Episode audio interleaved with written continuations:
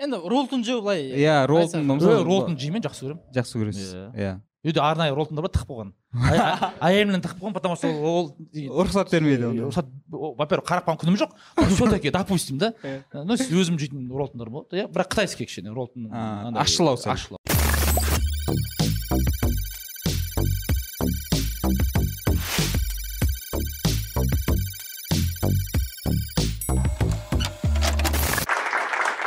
баршаға сәлем. Бұл нұрмахан мұханұлы ютуб каналы админ анон лайв подкасты. Сіздерді көргеніме өте қуаныштымын.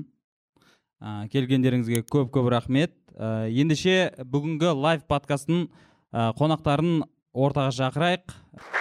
Қуаныш шонбай және өркен кенжебек. Қош келіпсіздер. Уағалейкум ассалам қош келдік. Ол, кісінің ұйқысы қанбаған ғой деймін иә иә қосылып тұр. Бұл астананың уақытымен өмір сүреді ғой. Пробка. Подкаст барысында өркен мырза ұйқысынан оянады деген ұйқысын ашып алады деген үмітіміз бар. Ә, мырзалар қош келіпсіздер. Көргеніме өте қуаныштымын. Ә, жалпы ә, кешеде әңгіме болып отыр. Біраз адам қуаныш мырзаны қалай көндірдің деген. Мен енді өркен мырза келетін болғаннан кейін келдім құрсын ол кісіні де көру қиын. Хотя бы осы жерде көретін шығармын деген үмітпен келдім енді. Мен сондай ход жасадым ғой. Ә, сіз қай жақтықсыз? Шымкент. Бәсе. Біз ана тараздың аңқаулары түсіп қалған ғой ол ойынға бар ғой. Екі таразды. Екі тараз бір шымкентке. Ә, негізі ә, бүгін қазақстандағы ең тез сөйлейтін жандар қонақта. Сондықтан ютубтан көріп отқандар нөл жетпіс беске түсіріп қоясыңдар. Лайфхак дейсіз ғой. Иә. А, маған келген кезде ыыы жылдамдатасыңдар ғой бір жиырма бес па қандай еді? Жаңағы әңгімеге келсек қалай көндірдің деді. Осы мен көп естимін негізі қуаныш мырза недоступный. Телефон ба несі? Жалпы Иә. бір жерге қонаққа шақыру осындай подкасттарға интервьюға шақыру шығарып алу қиын. Кім айтты Ә, тіпті сіздің студенттеріңізден де естідім мен оны. Қойыңызшы. Иә. Так енді? Сол ол ыыы имидж ба сондай? Әлде ә, шынымен де уақытты қыз сізде? Жоқ баяғыда менде ыыы біз қалай енді біз ауылдан шықтық кәдімгідей бір қазақтың қарапайым адамымыз. Енді сол сияқты елден енді ұят болмай ұят болатын шығар деген нәрсемен мен енді ойламаймын көп адамдар бір жаққа шақырса жүз процент от души барады деп. Ол қонаққа да солай болуы мүмкін. Мен ойлаймын тойдың бір тоқсан процентінде ол ұят болмасын деп барады да. Егер өзіне салса ә, адам бармайтын еді. Ә, бірақ көбісі енді сол ұят болады деген принциппен жүреді. Мен ұят болады деген принциппен жүрдім. Бірақ бір күні неге ә, қызылордаға қойдың? Ә, осындай немен бардым кітаптың презентациясы ма сондайға бардым бір мың жарым адам ба жиналды. Шынымен аудитория мықты болды енді қызылордада. Адам көп там адамдары ә, там тойханада болып қалды енді помещение болған жоқ та. Тойға келгенде келді енді действительно мен ә, нелеріме Зоблогер сияқты болды менің мастер мастер классыма өйтіп әдемі болып келген адамдарды көрген жоқпын да. Действительно той сияқты келген. Енді ана кісілердің несін қимадым сонымен давай енді хорошо енді суретке түспесек те қол қояйық кітапқа деп. Сосын кітапқа қол қойып жатырмыз енді солай ұйымдастырылған осындай бір стол осындай бір стол ыыы ар жағында бір жүз елу екі жүз адам очередьте тұр. Сосын айттық енді ренжімесеңіздер қазір линияға тұрыңыздар. Мен уәде беремін барларыңызға қол қойып беремін. Бірақ енді ол, ол ыыы, қызылордада ғана емес жалпы біз жақта енді очередьке тұру деген қатты бір қиын нәрсе ғой енді. бір енді негізі мен қатты оған көз жұматын едім. Егер де қасымда бір екі қабат әйел кісі тұрды да и ана кісі қиналып жатыр. Сосын айттым ренжімесеңіздер. Кісіден сәл ары тұрайық қазір мен қол қойып беремін сосын жіберемін проблема жоқ. Хотя бұл кісіні жіберейік. Сосын ыыы ол кісіні де жібердік. Кейін қарасам анау стол жайлап жылжып келе жатыр да бүйтіп ше. Сосын айттым ренжімесеңіздер тағы да бір шыдаңыздар қол қойып беремін бәріне. Енді андай бір райдер деген нәрсе негізі дұрыс нәрсе негізі ше? Өйткені бір охранник тұрып істесе сонда в итоге ол кісілер де беймарал қол ә, отырады. Мен де ә, қауіпсіз қол қойып қайтамын. Сосын жарайды қарасам осындай стена екен арт жағында. Мен алыс едім басында біз примерно бір үш төрт метр алыста тұрған бірақ енді жылжып жылжып бір қарасам уже артқа қарай келіп тіреліп жатыр да анау неші стол. И анау стол уже маған қарай келе жатыр бүйтіп. Құрсын соңғы қол қойған жерім осы бола ма деп сонымен айттым ренжімесеңіздер сәл тағы тұрмасаңыздар мен кетемін дедім. Сосын қатты қорыққан жоқ ешкім сонымен не қылып кезде мен тұрып кеттім енді. Сосын барып тұрып артымнан қуалап енді ол бірінші рет найнти уан түсіндім ғой сол жерде ше. Вот содан кейін айттым мен бұл енді қолға қоймай қояйық суретке түспей қояйық деп сонымен келісіп өйткені ол шынымен де ііі енді қауіпсіздік жағынан көп проблема болды да. Анау моральный жағынан бөлек қауіпсіздік жағынан. Кейін ыыы қарап отырсам уже сурет неге де шыққым келмейді да сахнаға. Себебі артындағы осы суретті де сен ойлайсың. Кейін жаңағыдай машақаты көп. Несі? Ләззат жағы бар? А бірақ машақаты да көп. Әрине бірақ негізі адам нәпсісіне жақсы тиеді келесің суретке түседі ол енді тем более внимание жетіспей өскен көп адамға да ол маңызды нәрсе да бірақ ә, өзімнің нәпсім үшін ә, и түсініп отырмын да ода ешқандай құндылығы жоқ өрет түсу үшін. Кеше америкада майамиден келдім. Сол жерде де ондай сол процесс жолатпайды кәдімгідей. И кейін бір жылдық коучинг алған адамдармен суретке түсеміз деген нәрсе болды да. Кім алады? Там заявкасы отыз мың доллар. Екі мың сегіз жүз адам оффлайн соны бір төрт жүз адам алды. Мен, мен де тұрмын енді ана жаңағы бізге үйреткен кісілер де бір енді сурет үшін де бір жағынан бір жағынан да енді оқудың да пайдасы бар. Сол жерде кәдім- бірінші қараңыздар отыз мың доллар жылына төлейтін адамдар үш жүз елу адам миллион доллар тұр ма? отыз үшке қанша? миллион доллар он миллион доллар. Келе жатыр. И ана жақта кіргеніңде даже охрана тұрады. Так кешіріңіз телефоныңызды алып қойыңыз. Ыыы там антисептигің бар. То есть сен ақша төлеп тұрып ол жерде өзінің бір ережесі бар. Ал біз жақта суретке түскеннен бөлек ары тұрыңызшы деп тағы да селфи. Мен бір рет көргенмін айнұр тұрсынбаевада э, неге осындай шығып? Енді ол да э, үйреніп қалған ғой нәрсеге.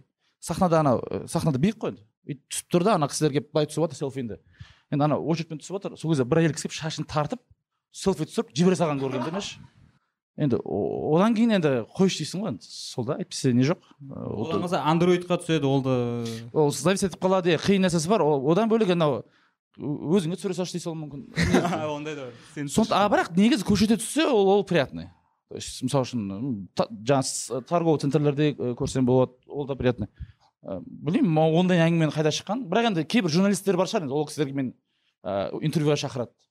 Беймарал неге ватсапқа мен ең жек көретін нәрсем сразу э, Звонок. звонок- звоноктарды жек көремін енді ол тәрбиесіздік деп санаймын мына заманда ол қазір өркен мырза оған жақсырақ айтатын шығар.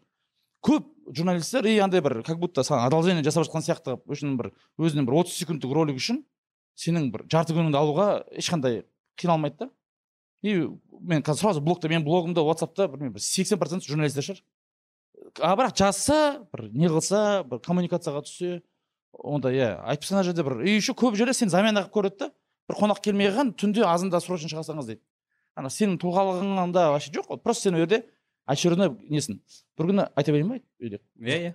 Бір күні хабарға бір передача шықтық хабар мына жерге хабарға о- содан кейін Қызметкер кетті одан кейін шығып кетті хабарға передача шықтық үлкен бір глобальный тақырып. Анау ыыы айтпай ақ қояйын үлкен бір зиялы қауыммын деп жүрген адам, адам бір ведущий.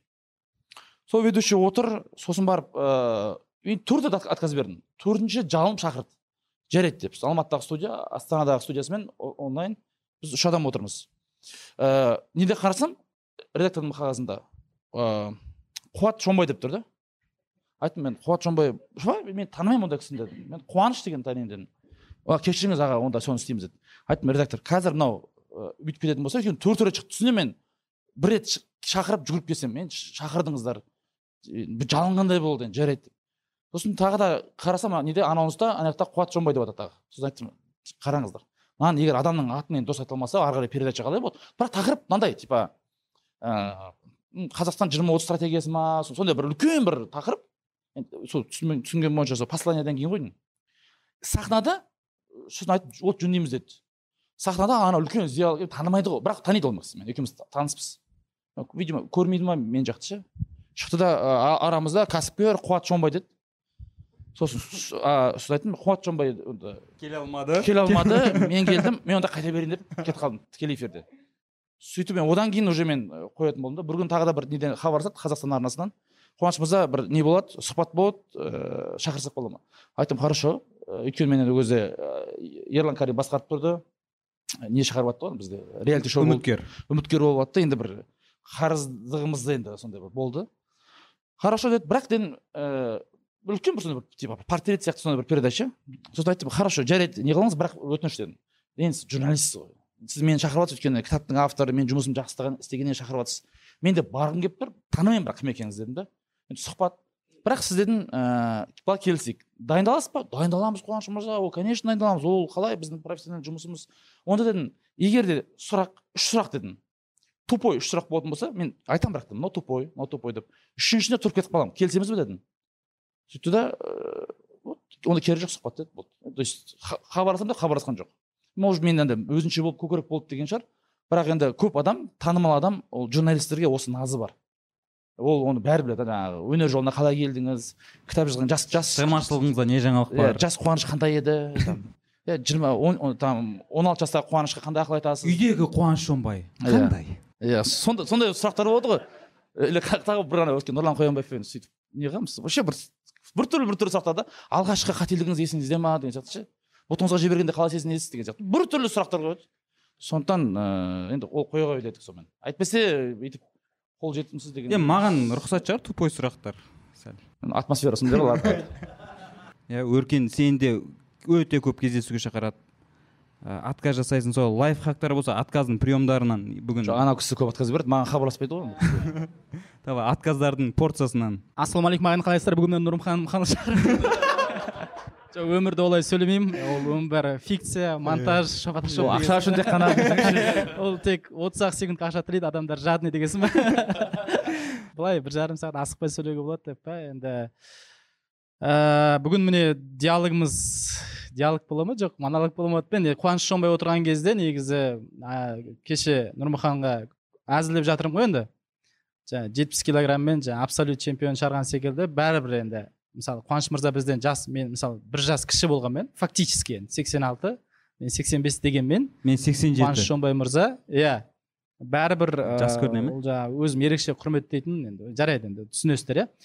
Айтайын дегенім иә ол енді он үш жыл журналистика саласында істеген кезде талай дүниені көрдік қой. Бізде ана маслоу пирамидасында болушы еді. Алдымен адамның қарны тою керек сосын жаңағы қауіпсіздік содан кейін барып признание деген нәрсе бар ғой. Адамдар мені мойындаса деген. Бізде керісінше қазақтарда осы пирамида кері төңкерілген секілді да то есть бізде шыны керек біз жаңағы студент кезімізде жаңағы ток шоуларға баратынбыз. Мысалы енді атын айтпай ақ қояйын бір каналдар енді әбден сегіз жыл дебатта өскен адамбыз. Сөздің кайфын бізге басқа кайф керегі жоқ жаңағы сөйлетіп қойса болды ғой сол кайфтың бір. Ләззаты басқа нәрседен артық тұрады да мысалы амантай қажыны отырғызып қояды оған екі апта бұрын дайындайды сені так амантай қажы бұрын коммунист болған қазір ана тікелей эфирге шығады сен ананы кәдімгі бетін аямай шал демей ақсақал жетпістегі адам ғой айтуың керек ей сен қай басыңмен елге басына сәлде орап жаңағы ақыл айтып жүрсің сен бұрын коммунист болғансың шәңкіл деген сен күшіксің ғой щегол бір чмо адамсың ғой былайша айтқан кезде бірақ ана екі апта бір- болды головкин бойға дайындалған секілді еще ана жерде бір айта берейін иә жаңағы ә, былай істейтін енді. Телевидениеге кетіп қалғаннан кейін бүкіл құпиясын ашқан деймін иә ертең казмедиаға кіргізбей жүрсе ә, мен жаңағы сондай жаңағы коммунист деген. Сосын қасыма жаңағы мини юбканы анда кигізіп қойған. Сондай да бір әдемі қыз емес енді жарайды. Ә, қызды дайындап қояды. Өтірік қыз. Ол жаңағы қандай? Жаңағы амантай қажының несі бар еді ғой? Өтірік дегенде мысалы амантай қажыны айтып жүрген бар ғой жиырма жылдан бері тоқал аламын тоқал аламын жаңағы бүкіл халықты кастинг жариялап жүр ғой. Ә, сол бір қыз келіп не қылады? Мен сізді ғашықпын мен сізге амантай ата мені алыңызшы деген секілді түсінікті енді образы мүлдем келмейді ол. Өтірік подставный. Мен де подставный адаммын. Сонымен жаңағы ток шоуды жандырамыз да. Жаңағы сен коммунист болсаң ақыл айта алмайсың анау жаңағы мен сізді жақсы көремін алыңызшы деген секілді анау екеумізден де азар безер болып сонымен ток шоудың қадірі бітеді. Болмаса айтайын деп отырғаным бір мысал ств деген арна болатын. Енді айта берсе болатын шығар канал. Рахат. Қазір жоқ шығар ол канал иә? Бар бар ма? Ана экстрасенстер отырады түнгі сағат мынандай нелер содан қойып.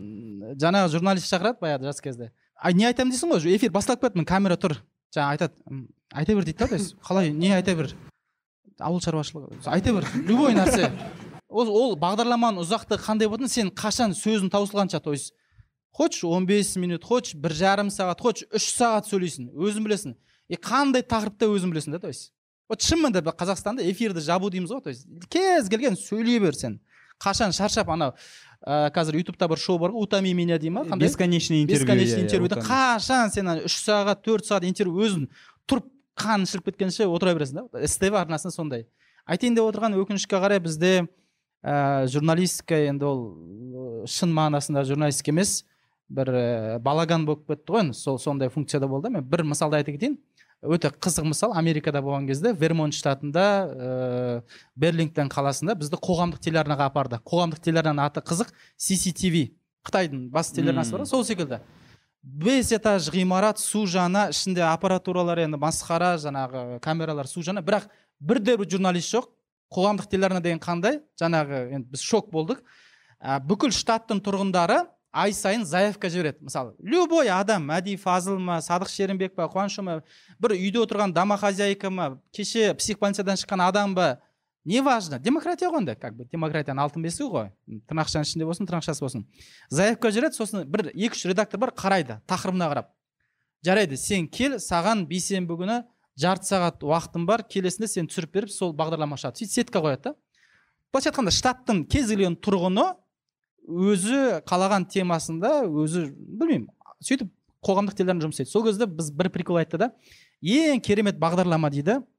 Жена ненавистник деген сөз бар ғой андай әйелдерді өте жек көретін адам болады ғой бір ешқандай жұмысы жоқ. Бұрын жұмыстан шығып кеткен әйелдерді жек көреді. То есть құдай бекерге әйелді жаратты. Әй бүкіл проблема әйелдерден осы әйелдердің қолтығын жүні деген секілді. Білмеймін ғой енді бір болады ғой. Бүкіл әйелдерден общем зорлық көрген ба комплекс бар ма? Сол программа ең хит программа болды дейді да жаңағы. Ойлап қараңыздаршы. Қалауым сияқты бізде иә қалауым секілді ма? Сонымен бір күні ол бағдар бағдарламаны жабуға тура келді дейді. Ол бір күні заңды бұзды дейді. Қандай десек әлгі жаңағы әйелдерді өте жек көретін ең хитовый программаны жұмыссыз біреу ғой енді аузына келгенде айтып жатыр. А да да да да да да. Бір күні заңды бұзды дейді. Қалай? Қызды қыздымен сол штаттағы феминистка әйелдің адресін айтып қойды дейді да. Тікелей эфирде ше. Так так так так так. Анау абай көшесінде жүз сексен алтыдағы анау феминистканың үйінің алдына барып барып жиналайық или өртеңдер деген секілді. Бітті ана бағдарламаны өкінішке қарай жабуға тура келді дейді. Анау нәрсе біздің басымызға сыймайды да. Айтайын деген бізде осы дүниенің керісінше жағы ғой. Қоғамдық телевидение болмасақ та арна то есть бізде журналистердің өзі сол қарапайым жұмыссыз надан дүмше адамдардың рөлін одан да артық сомдап кетті да өкінішке қарай. Сондықтан да этикет әлеуметтік желіде нетикет дейміз. Ә, мысалы менде лайфхак қандай? Ә, соңғы екі жылда мысалы ләйла сұлтанқызы әпкеме мен өте жақсы қараймын. Бірақ жетінші арнада алмас алтай екеуі өз ойым деген бағдарлама жүргізді ток шоу. Иә, иә. білесіз ғой емшегін ұстап көріп трансвестит Иә. деген секілді қанша шақырды бармадым «А, ләйлә әпке ренжісеңіз ренжи беріңіз. Мен білемін қазір. Барған кезде сіз біріншіден менің сөзімді тыңдамайды ол жерде ток шоу түсінікті ғой ол. а деген кезде сонда солай ма деген секілді ол жарайды. Понятно. Емшек жоқ дедің екіншіден қазір ютубта білесіздер бір жанр бар енді. Атын айтпай ақ қояйық иә жаңағы жылқышыбай жоқ ол кісімен жақсымыз атын айтпай ақ қояйық. Мысалы адамдарды қалай жеңіл манипуляцияға түсіріп отырған кезде бір сол келіп отырған адамды аяйсың да то есть. Енді қол аяғын байлап қойып кіндіктен төмен ұрған секілді. Жоқ бірақ енді бұл жерде бүкіл журналист ондай деген мағынаны Иә, иә, әрине. білдірмейді. шынымен де мықтылары бар өзі мынандай кісілер болуы мүмкін. Ниеті жақсы қабілеті келмейді. Ол да ана түркше айтады жаным феда дейді ол кісілерге действительно құрметің бар бірақ ыыы қабілеті келе тұра ы, өзінің жұмысын істемегенге соған бір қынжыласың енді осындай бар көп даже бірақ бәрі емес. Сондықтан да бүкіл журналистер ертең бізге не қылып жүрмесін ренжіп жүрмесін. Иә қалай отказ жасайсыздар соның былай приемдары бар ма? Мен ыыы білмеймін мен сразу ватсапты блокқа тығамын болды. Жазған кезде. Мен примерно қараймын журналистпін дейді болды блокқа тығасың менде қазір күшті сөз бар фокусым.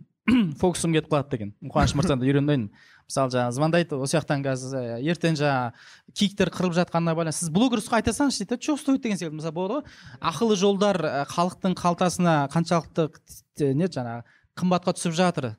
Жоқ дейсің ғой енді білмеймін де сіз блогерсіз ғой дейді да енді блогер деген сонда аузына келген айта беретін бір не ма сонда бір болады ғой болып тұр ғой сонда басынан болып кетті ғой. Ей сен деп енді ұрысуға дейін тура келеді де енді. Бұрын ондай болса керісінше мен бірінші деп айтып жүрмін ғой. Жоқ марал емес ар жағында бүйткешін айтамын деген секілді. Ә, енді ол надандықтан ғой жастықтан жастық емес надандық қой енді мойындау керек. Ал қазір менде фокусым жоқ. Ә, фокусым басқа нәрсеге кетіп қалады. Пожалуйста айып етпеңіз Иә, негізі көбісі түсінеді. Иә. көбісі түсінеді. Оны отказ беріп қажеті жоқ. Жаңағы түсінбей жатса блокқа тығасың әйтпесе былай не жоқ. И ол кісілер еще андай ғой. Сен ол кісінің тізімінде бір жиырма бес адамның біреуісің да и ол жерде сен бір жалғыз адам емессің. Ол то есть ол жерде қазір келмей қалса менде қазір трагедия болмайды. Ол үйреніп қалған скорее всего енді өйткені анау бетпақтығынан кейде бір сондайдан байқап тұрады да бәдіктігінен даже. Ал көп кісілерге айтсаң иә иә жарайды деп қоя салады. Бір, бір прикол айта салайын жаңағы ә, сатыбалды нарымбетов деген ағамыз бар ғой қайтыс болды марқұм. Мұстафа шоқай фильмін түсірді аманат фильм мен жылаған жалғыз қазақ фильмі ол аманат міндетті түрде көріңіздер. Енді өзі шығарған шығар бірақ шындықтың үлесі бар деп ойлаймын. Журналистерге қатысты. Жаңа жүрегім инфаркт ұстап жаңа ауруханада жатырмын дейді соны бір журналист сұранып қоймады дейді. Сізден сұхбат аса- алмасам болмайды жаңа мұстафа шоқай фильмі туралы жаңа керемет болып жатқан кезі. Сонымен қоймай қойды дейді ана настырный журналист екен. Соны аурухананың палатасына кіргізіп бірінші сұрақ қандай? Мұстафа шоқай фильмі кім туралы? деген сұрақ болды дейді да. Сонымен екінші рет инфаркт алдым дейді енді. Конечно бұл жерде бір өзін өсіріп айтқаны бар шығар енді бір шашақ кез келген қазақтың әңгімесінің шашағы болады дегенмен шындықтың үлесі бар. Ә, журналистика дегенде бір ә, мен енді бұл, бұл, бұл ойымды қазір айтып отырған жоқпын он жылдан бері айтып келе жатырмын ол кәдімгі ә, осы осы жердің қазір сіздер кеткеннен кейін осы жердің полын жуатын ә, техничка дейміз ғой уборщик оператор білмеймін қазір есіктің алдын тазалаушы деген секілді мамандық. Бір оған бір ұлттың элитасы интеллигенциясы артық қадір қасиет тем более төртінші билік деген секілді халықтың сөзін сөйлейтін. Ә, жоқ. Ақпарат таратушы болды. Ол бәрібір өзінің фильтрінен өтеді өзінің ішкі асқазанынан жүрегінен шығаратын адам. Тем более біздің қазақстан қазіргі жағдайында. Сондықтан мен то есть айтайын деп отырғаным ә, қатты ожиданиеде болмау керек та бір. Жалпы мына жылына осынша рет шығу керек деген ә, план бар ғой сізде иә? Мынау кісі енді жоқ мынау кісі енді более андай ғой профессионалды саяхатшы саяхаттаушы бұл кісі ол жағынан несі көп? Ыыы лайфхагы Лайф. өзінің несі? Енді өркен мырзамен бір ретте мен саяхатта болғанмын менің ә, тізімдегі ең ә, андай болады комфортный өзі негізі жалпы исламда да бар ғой адам тану үшін бір саяхатта Иә, бірге иә. болу керек деген сияқты. Бұл кісімен енді алыс берісіміз былай болған жоқ енді ақшалай енді былай сыйлық болған шығар былай енді. Менің затымды алып болмаса бұл кісі затымды алып деген біз енді біздің жұмай бизнес мектебі бұл кісіге не шығар заказчик шығар реклама беретін. А так екеуміз арамызда ондай болмаған. Бірақ дастархандас болдық саяхатта болдық. Менің тізімдегі ең андай комфортный адамдардың бірі осы. Байкалда болдық. Байкалды ойлаңызшы байкал енді түсінемін мысалы үшін нью йоркта болсаң иә? Мына жерде фильм түскен мына жерде небоскреб мына жерде бір тарихтың несі бар центральный парк осы бір ресторан мишлен ресторан. Бір айтатын әңгіме көп енді ойлаңыз. Байкалда кетіп бара жатырмыз ештеңе жоқ былай су ғой енді тау бар. Сол жерде ііі қандай балықтың түрі бар эндемикалық жаңағы балықтар эндемик сол жерде ғана болатын балықтар. Мына жердегі аңыздар туралы бар ғой. Мен еще сходу сұрадым. Сходу жауап берді ғой. Мәссаған одан бөлек е, кешікпейді неге? Е, саяхатқа өте комфортный сенің неңді байытады сондықтан өркен мырзадан сұраса болады ол жағынан. А бірақ менде ондай жоқ. Бізде енді қашан бар? Е, тақырып. Соған барып шығамыз. Мына мысалы үшін мен қазір келдім.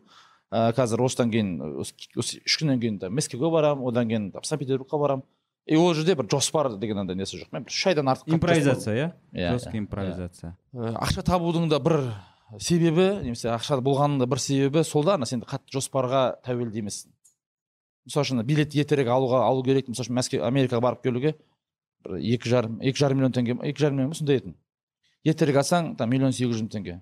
Енді бизнес классқа экономасы арзандау болады. И сенде ондай не жоқ та? Қажеттілік. Ертерек алып экономдайын деген қажеттілік. Қатты болмайды. Соның әйтеуір берген бір арқасында соның и сен қатты не қылмайсың? Пландап бір оны мен былтыр неде байқағанмын мынау марғұлан ағамен бірге неге бардық? Саакашвилиге грузияға. Сонда мен ә, августте барады деді. И мен почему то басында сентябрь екен да. И алдында қарағанда екі жүз жетпіс мың ба сондай еді туда обратно э, киевке. И мен түсіндім что екі үш күннен кейін шығатынбыз ше. Қарасам төрт жүз бір нәрсе мың екен. Алдым. И қарасам ішімде андай қатты қиын тиген жоқ. Жарайды енді талып қалмайсың. Бірақ ішіңде бір өкініш андай бір не пайда болған ше. Сондықтан қарасаң бір ана иә бір жерің ашиды ғой бәрібір ше енді артық кеткен үшін құрдан құр народный емес те. И сол кезде байқағаным енді иә ол жағдайға келгеніне шүкір дейсің ғой. Бірақ ыыы ақша болмаса ақша болмаса әрине жоспарлау керек шығар қатты бір арзанырақ отель алу керек шығар білмеймін енді. Өркен мырза сондай эксперименттер көп істейді жаңағы ең арзанға барып келу деген сияқты. Бірақ менде ондай қатты жоқ сол үшін бара бересің сенің тізіміңде қуаныш мырза қандай орында? Қуаныш мырза қай жағынан? Жаңағы саяхатшы жағынан? ә, сені комфортный деді ғой а жоқ қуаныш мырзамен енді баяғыда таразға бизнес форумға барып ұйықтатпай қойған болмаса түні бойы дайындалып екеуміз біріне бөлмеде қондық қой. Себеп тауып алған мынандай действительно өркен мырза мақтай берсе көп не болып кетпесін үлкен мырзаның өмірде өмірде екі жоқ ана негізі? Еті қалыңдап кеткен ба төртеу түгел болса деген передачаны көресіз? Кім көреді? Көресіздер ма иә көреді иә. Төртеу түгел болсаны шығарған іс- істеген кезде бізде форматы тақырыбы болмаса бір как бы несі бір атмосферасын жасаған жоқпыз. Ол енді шынымен өзі по ходу пьесы келді. Бірақ біз бір нәрсені ыыы шарт қылып қойдық. Ол қандай? Келген адамды ана түркше орысша айтқанда обсуждать етеді дейді ғой. Келген адам адамды түсіру деген бізде тапсырма болған жоқ. Біз айттық егер ішімізде менде бар мысалы бірнеше адамдар бар шақырып бар ғой ит терісінің басында қаптар келеді. Чбд жасап иә? Иә оны мен еще рейтинг алады скорее всего и еще мен оны істеген үшін мені қошеметтейді и мен оны еще істей аламын. Еще скорее всего ләззат аламын одан ше ал бірақ шартымыз болды. Келген қонақты керісінше таныту ашу мысалы үшін соңғы біздің шығарылымда талғат белесов деген жігіт келді. Ә, бізбен танысқанда екі мың жетпіс сегіз подписчигі бар еді в общем оның қазір енді қанша бір екі мыңға жақындады өйтті Э, неге шықты ыыы рак болып ауырған рак болып ауырған жеңген қазір доллар миллионер там шымкенттен шыққан. Былай қарасаң андай бізде енді бізде енді өзімізден гигант шымкентте билбордын іліп қойыпты уже дегенсің ба келе- жоқ келатыр келатыр. Иә, иә. бізде енді анау ыыы өкінішке орай неде? М, біздің мәдениетте мынандай бір история бар да бір үлкен қаһарман болу керек. Ол қаһарманнан басқа қаһармандар сол қаһарманның конкуренті болып көрінеді да. Бізде енді үлкен қаһарман бар понятное дело. Енді ол қаһарманды а, біз америкада басқа жерде қарасаң мини қаһармандар көп та. Сондықтан анау ана жер бір не болып көрінеді бір. Қаһармандардың болмаса бір жетістіктің бір орны болып көрінеді. А қазақстанда мини қаһармандар көп жоқ па? Көп. Мә мысалы үшін талғат оның біреуі ғана. Еще талғат енді ол миллион доллар бес жылда миллион доллар тапқан да. Енді сол үшін ғана оны бір халыққа таныстыру жеңіл иә моментте жеңіл. Ә, бірақ миллион долларын алып тастасаң бір қадір қасиеті болмай қалатын болып көрініп тұрады. А бірақ егер шынымен қасына келсең рак болып ауырып қалған оны жеңген артында анау миллион доллар үлкен күштің нәтижесі да. То есть миллион доллардан кейін ол талғат емес негізі. Талғаттың қазіргі өмір сүргеннен кейін ғана миллион доллар тапқаны ғой негізі. Кім егер хайппен негативпен ә, разоблачение солмен істесе болады бірден аудитория жинайды. Бірақ ол аудитория есі дұрыс аудиторияны жинамайды ол. Өзі сияқты закомплексованный адамдарды жинайды. И ондай адамдар көпшілік мысалы үшін элементарно ресейдегі ә, жаңағы пограничник деген бар басқа деген бар өздері разоблачение жасайтын адамдар бар. Қазір разоблачение жасау деген уже қызық емес разоблачение жасаған адамға разоблачение жасау деген тренд кеткен да и әрқайсысын шұқиды и қарап отырсаң ол адам монетизация жасай алмайды ешқашан да. Иә реклама да келмейді. Иә есі дұрыс адам келмейді. Мысалы үшін қараңызшы елікбаев кеше ютуб ашты два метра деген. Таң қаламын бар ғой әлішердің онсыздашы сегіз жүз подписчигі бар. Бес мың просмотр бар. Бірінші бірінші видео ютубқа бірінші келгені вы же наверное понимаете что мой проект будет не бесплатным поэтому у нас есть партнер. Вот ә, отель там тенгри деп. Прикиньте бірінші съемка бірінші несінде сегіз жүз подписчикпен әлішердің бағасын білемін. Иә то есть қанша алатынын. Бір бір жарым миллион теңге ана жер жасап жатыр да. Қарап отырсаң бірінші съемкасын неге өйткені әлішер елікбаевтың артында ондай хайпажорлық хай- хайп деген жарайды ол хайп жаман сөз емес қой хайп андай бір негативный в общем мынау ғой негативті ыыы контентпен көтерілесің тез көтерілесің. Енді мысалы кім бар анау біздің тараздық ана қарындас Иә, иә, қолтық шаш. Қатира сол бірден иә бір бірден неге келеді да анау аты еді Тараздан ба? Блогерім жоқ, жақтан енді неше түрлі адам шығады. Тараз в общем футбол таланттарының блог бизнес и Ә, е, тренингте тараздан көп. Иә. Өте көп. Мен біз енді сондай жеріміз не істейміз енді. Универсал қала ғой иә. Мұнайымыз жоқ адамдар мына көрдіңіз ба ііі енді ана қыз келді көрдім. Мен анау негізі астарлы ақиқатты көрсең миллион вариант бар көрмейсің. Бірақ анандай ә, айқайлап тұрған нәрсе болғаннан кейін бір тақырыптарды да, көрсең иә көз тарта ма? Көз тартып емес ана бір- елең етеді бәріне жездем, кінәлі иә назарыңды алады. Ә, қарасаң подписчиктер де бар. Енді бірақ сондай аудиториямен егер бар аудиторияда қарасаң әлі рекламасына бес мың ба екі мың теңге алады. Қанша алады отыз мың алатын шығар иә мысалы үшін қарап отырсаңыздар то есть иә аудитория бар бірақ саған есі дұрыс адам келмейді да саған бір букмекер келетін шығар келетін болса болды окей одан проблема жоқ. Сондықтан мен енді недегі төртеу түгел болса дағы әңгіме аудитория аз болғанымен действительно сапалы. Сол үшін енді қазір мақтауымыз мүмкін. Ұзақтан кетіп қалдым ғой деймін мен ойлаймын сол дұрыс формат деп ойлаймын. Иә дұрыс дұрыс. Жаңағы саяхат деген жалғастыра салайын. Өзі қазір ағартушы десе ә, бізде ыбырай алтынсарин деген формат қалып кеткен да қазақтың алғашқы ағартушысы дейді. Енді ол советтік әдебиетте солай жазылды. Алғашқы қазақ мектептерін ашқан ырғызда турғайда деген секілді. Одан кейінгі ағартушы деген просвещение дейді орысша айтқан кезде. Жалпы медианың негізгі ана кезінде ричард ой атын ұмытып қалдым ғой еді медицин ба еді жазып кеткен өзі үш ә, киті бар ғой үш тірегі иә. Кез келген медиа үш ә, ақпарат беру керек. Қызықтандыру керек. Развлечение жаңағы вайм болсын юмор болсын сатира болсын жаман деген нәрсе емес. Ол ол да медианың қызметі. Үшіншісі ағарту. Бізде ә, ақпарат жағынан енді толық енді. Сен құлағыңды тығып көзіңді жауып тастасаң да ақпарат ми- қазір тоғыз тескіннен кіре береді иә қазір. Развлечение entertainment. Пожалуйста. Ағарту. Вот мысалы қуаныш шонбай ә, мен ағартушы деп есептеймін өйткені интернет маркетинг арқылы қаншама қазақтың көзін ашып қаншама адамға жұмыс беріп қаншама адам мүмкіндік ашып деген секілді. Енді менің жаңағы саяхат дегенді айтып отырсыз ғой. Ә, саяхаттен ә, білім деген өзім бір не формула ойлап тапқан. Мысалы осыдан эфиопияға барған кезде биыл мурси деген тайпада болдық. Жаңағы ауыздарына ә, әйелдердің аузына қыш тарелка тағып алатын. Ә, былай қарасаңыз егер егер бармай егер сіз ары қарай тереңдетіп оқымай интернеттегі алғаш кездескен фотомен немесе алғаш кездескен ақпаратпен баға беретін болсаңыз кез келген адам ол оксфорд бітіріп келген профессор болсын жай ауылдан шыққан адам болсын бәрі айтады мынау жабай тайпа не деген сұмдық мына аузына ә, жаңағы қыш тарелканы киіп алыпты деп. Өзі дінімізде де айтылады ғой сен білмеген нәрсе ол жоқ деген нәрсе емес немесе сен білмеген нәрсе ол дұрыс емес деген нәрсе емес айтайын деген ә, мысалы сол тайпаларда жас туған баланың ә, бір жасында ана ас, не ә, асқазанын шекіп шекіп былай тиіспей терісіне сол жерде мысалы цц шыбыны өмір сүреді. Біз сол ұйықтап жатқан кезде бардық. Әдейі сол уақытта таңдадық. Яғни егер ол бізді шақса бізде ешқандай иммунитет жоқ қой. Біз сонный болезньге ұшырауымыз мүмкін еді. Яғни әлсіреп әлсіреп әлсіреп әлсіреп енді сонда ұйықтап қаласың. Он жылға жиырма жылға отыз жылға комаға кетесің да. Жай ғана шыбын әйтпесе. Болмаса неше түрлі массалар бар. Малярия тарататын безгек тарататын тағы басқа жаңағы құрт құмырсқа деген секілді. Айтайын деп отырғаным андай враждебный орысша айтқан кезде адамның өміріне соншалықты қатыгез климатта табиғатта өмір сүру үшін олардың тұрмыстық танымы неге жеткен? Бала бір жасқа толған кезде екі жасқа толған кезде асқазанын шекіп жаңағы цц шыбын личинкасын тауып алады да личинкасы болады құрт құрт. Соны асқазанына жібере салады да былай. Ішіне емес терісіне?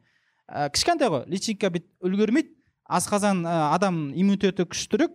Мына сырты бугорук дейді орысша айтқан кезде. Былай былай не болады? Табыт. Личинка өліп қалады да сыртынан андай не пайда болады? Тері волдыр. Одан кейін жаңағы бір масаның личинкасын алып мынаның ішіне салып бүйтіп не қылып оның сырты. Сонда ересек болған кезде асқазаны қандай? отыз қырық мынандай жара секілді да болады бір адамдардың бір қызыл жара. Оның ішін бәрі личинкалар да өлген личинкалардың табыты былайша айтқан кезде. Моласы. Енді қараңыздар былай қарасаң осыны қазір видеодан көрсетші ютубтан болмаса қазір осылай айтып жатырмын ғой. Не деген топас не деген дүмше құдай ау құдайдың қарғысына ұшыраған жоқ егер қазақ халқын жаңа өзімізді ойбай жеті атадан қыз алыспайтын құдай ау ата бабамыздың бәрі әрқайсымыз да батыр әлде шешен ғой. Тура сол климатқа тура эфиопияның суданмен шекарасындағы оромо өзенінің аңғарын апарып қойыңызшы ана жерге. Тура сол мурси тайпасының істеген нәрсесін біз де істейміз де. Өйткені ана жерде басқаша ә, қалай айтсақ тірі қалу мүмкін емес. Айтайын деп отырған ағарту деген менің түсінігімдегі осы да. Болмаса шри ланкаға барған кезде мен бір жоқ ана айтсаңызшы не үшін еріндер не үстін жаман қылатын иә енді ол айта берсе мысалы көп мысалы бір ғана фактіні айтса жаңа мысалы еріндер неге кетті деген кезде зерттеген кезде қарасақ бұрында арабтың енді жаңағы ә, құл иеленушілері білесіздер бұрын құл иеленуші дәуірі болды сол кезде жаңағы онсыз да аз онсыз да қару жарақтар аз тайпалардың жаңағы мурси арома жаңағы ә, тайпалардың қыздарын алып кетеді екен құлдыққа енді әп әдемі қыздар ғой енді бойжеткен алып кете береді алып кете береді. Қандары ішілген уже еркектердің де ешқандай айласы амалы қалмаған сонымен не істейді. Өздерінің әйелдерін өздерінің апаларын өздерінің қыздарын бала кезінен уродовать етеді. Былайша айтқан кезде ерін тіліп тістерін алып тастап құлағын кесіп тастап деген секілді мұрнын ұшын кесіп тастап емшектерінің ұшын кесіп тастап деген секілді. То есть анау дефектный то есть бракованный товар қылу керек та құл сатуға. Енді оны алса да алып кетсе де оған болмайтын тиын береді жалко емес. иә уже құны түскен товар бракованный товар. Сонда өздерінің әйелдерін өздері уродовать еткен енді сонда дәстүрге айналған. Қазір енді біз барған кезде мен ә, суретке түсірдім. Әп әдемі қыздар тұр да кәдімгі. Аузы дұрыс. Қараның әдемісі. Енді ана дәстүр не үшін жойылмайды? Енді тұрмыстық санаға еніп кеткен. Аузында дәу қыш ә, табағы бар. Ал ол үшін білесіздер он жасынан бастап астыңғы тістерін бәрін қағып тастайды. Өйткені тарелка сыймайды ғой. Қалай тұрады ол? Сосын тарелка үлкейіп үлкейіп енді сонда ана ерін ерін мен мына не жырылып кетеді да то есть мына ерін былай кетеді да мынау мынау мынау былай кетеді қысқасы. Ну елестетіп ютубтан көре, көре салыңыздар енді ол дәстүр жойылмайды. Қашан анау тайпа бай болмайынша? Неге? Өйткені тұрмыстық сана кімнің ерінде тарелка бар соған жүз сиыр береді қалың малға кімнің ерінде тарелка жоқ қалың мал қанша деп ойлайсыздар? Бес есе арзан. Жиырма ақ сиыр. Ал ол жақта бүкіл өмірдің былай мағынасы мәні сен қызыңды беріп сол үшін жиырма сиыр жүз сиыр болды ол уже обеспечен ол бүкіл. Қалай айтсақ енді өмірдің мәні дейміз ғой бізде жаңағы куш ұстап алу бір заводты ие болу жаңағы білмеймін жаңағы не лотерея ұтып алу деген секілді. Сондықтан да қарасаңыз былай түсінесің да жаңағы түсінесің өзіңді соның орнына қоясың. Сол кезде біздің де егер дәл сол жерде болған кезде тура сол тайпадан еш айырмашылық жоқ екенін білесіз болмаса ағартудың екінші мысалы шри ланкаға барған кезде мен ана олардың саронг деген киім бар ә, садық біледі. Юбка былайша айтқан кезде кәдімгі біздің гүлді гүлді келіншектердің киетін кәдімгі сап сары қып қызыл юбкасы. Соны киіп суретке түстім тоқтар жақаш деген ағамыз бар басқалары бар жазды. Өркен міне бұзылды ә, юбка киіп қатын болып кетті деп. Сол кезде мен солай реакция болатынын күттім де бір ақылдылығым кереметтігін емес. Бір күннен кейін пост жаздым. Жоқ ол сенің керісінше ақымақтығының көрсеткіші өйткені шри ланка индонезия бангладеш мангладеш лаос камбоджа вьетнам оңтүстік шығыс азияның барлықтарының еркектерінің де әйелдерінің де негізгі киімі ол саронг юбка. Потому что андай влажный климатта сен шалбармен мына жағын бәрі биттеп құрттап кетеді. Мүмкін емес вентиляция болу керек кондиционермен өйткені ылғал. Мысалы да айтайын деп отырғаным ә, менің ә, саяхатқа шығудағы боль дейміз ғой мысалы. Әрине ақша кетеді әрине уақыт кетеді шаршайсың шашың жуылмайды ә, тамағың дұрыс емес басқа деген секілді. Ә, менің осындай алатын инсайттарым жаңағы маркетинг тілімен айтқан кезде жаңағы больді басып кетеді. Мысалы да а все деген секілді. А все деген секілді. Көрдіңіз ба сондықтан да ә, жаңағы сіздің нұрмахан почем несіз сіз деймін сен? Мхм. сен деп отырсың почем. Уже разбираться етіп кеткен ба? Бұл да уже этика деп ойнап кеткен жоқ енді шымкенттен ғой жарайды енді тараздықтар болса да. Жоқ айтайын деп отырғаным ә, қандай контент болмасын міне осы жерде ақылды адамдар жиналды деп ойлаймын жаңағы ә, мәди мен кімді ғана жоқ ақылды адамдар не үшін білесіз ба иә. Вход қанша теңге тұрады. Он мың ба қанша? Мың теңге. вот именно мың теңге. А мың теңге. Маған негізі әдетте мен минимум он бес мың теңге жасаймын. Бір Иә. тренинг болса осындайшы сол он бес мың теңгенің затын мың теңгеге алып отыр бастары қатысты дейді да. Так что өте ақылды аудитория деп ойлаймын бар ғой иә сондықтан жаңа ә, жақсылықтың ә, көбеюіне барынша үлес қосу керек деп ойлаймын. Мен неде саяхаттан алған тағы да бір инсайдым бар. Қазақтар ең ұлы халық емес. Қазақтар ең ұлы халық емес. Е қазақтар ең соңғы халық емес ол кәдімгі мың халықтың бірі да болды. Мен түсінген алған инсайдым осы болды. И мен осының арқасында қатты напрягаться етпейтін болдым да. Өйткені егер сен ә, жалпы негізі адамның миы біз егер бір қараңызшы осыны біздің қазақстандағы біздің басшылықта егер болғанда қазақтар ең ұлы халық емес. Сен айттым ғой кез келген абориген мен енді әлемде көп болған жоқпын жиырма бес па елде болдым. Кез келген сенің ойынша сенің ойынша қалып кеткен отсталый бір елді ал сөйлес бар да мысалы үшін армения табыс жағынан ең төмен. Бірақ арменияның адамдары ол қазақтар ұлы екен деп айтпайды ешқашан да кім білмеймін өзбектермен вопросың бар ма? Өзбектерге барып сөйлесіп көр. Сен барып пуштундармен сөйлесіп көр. Сен сенің ойынша ә, сенен төмен кім бар сөйлес бар?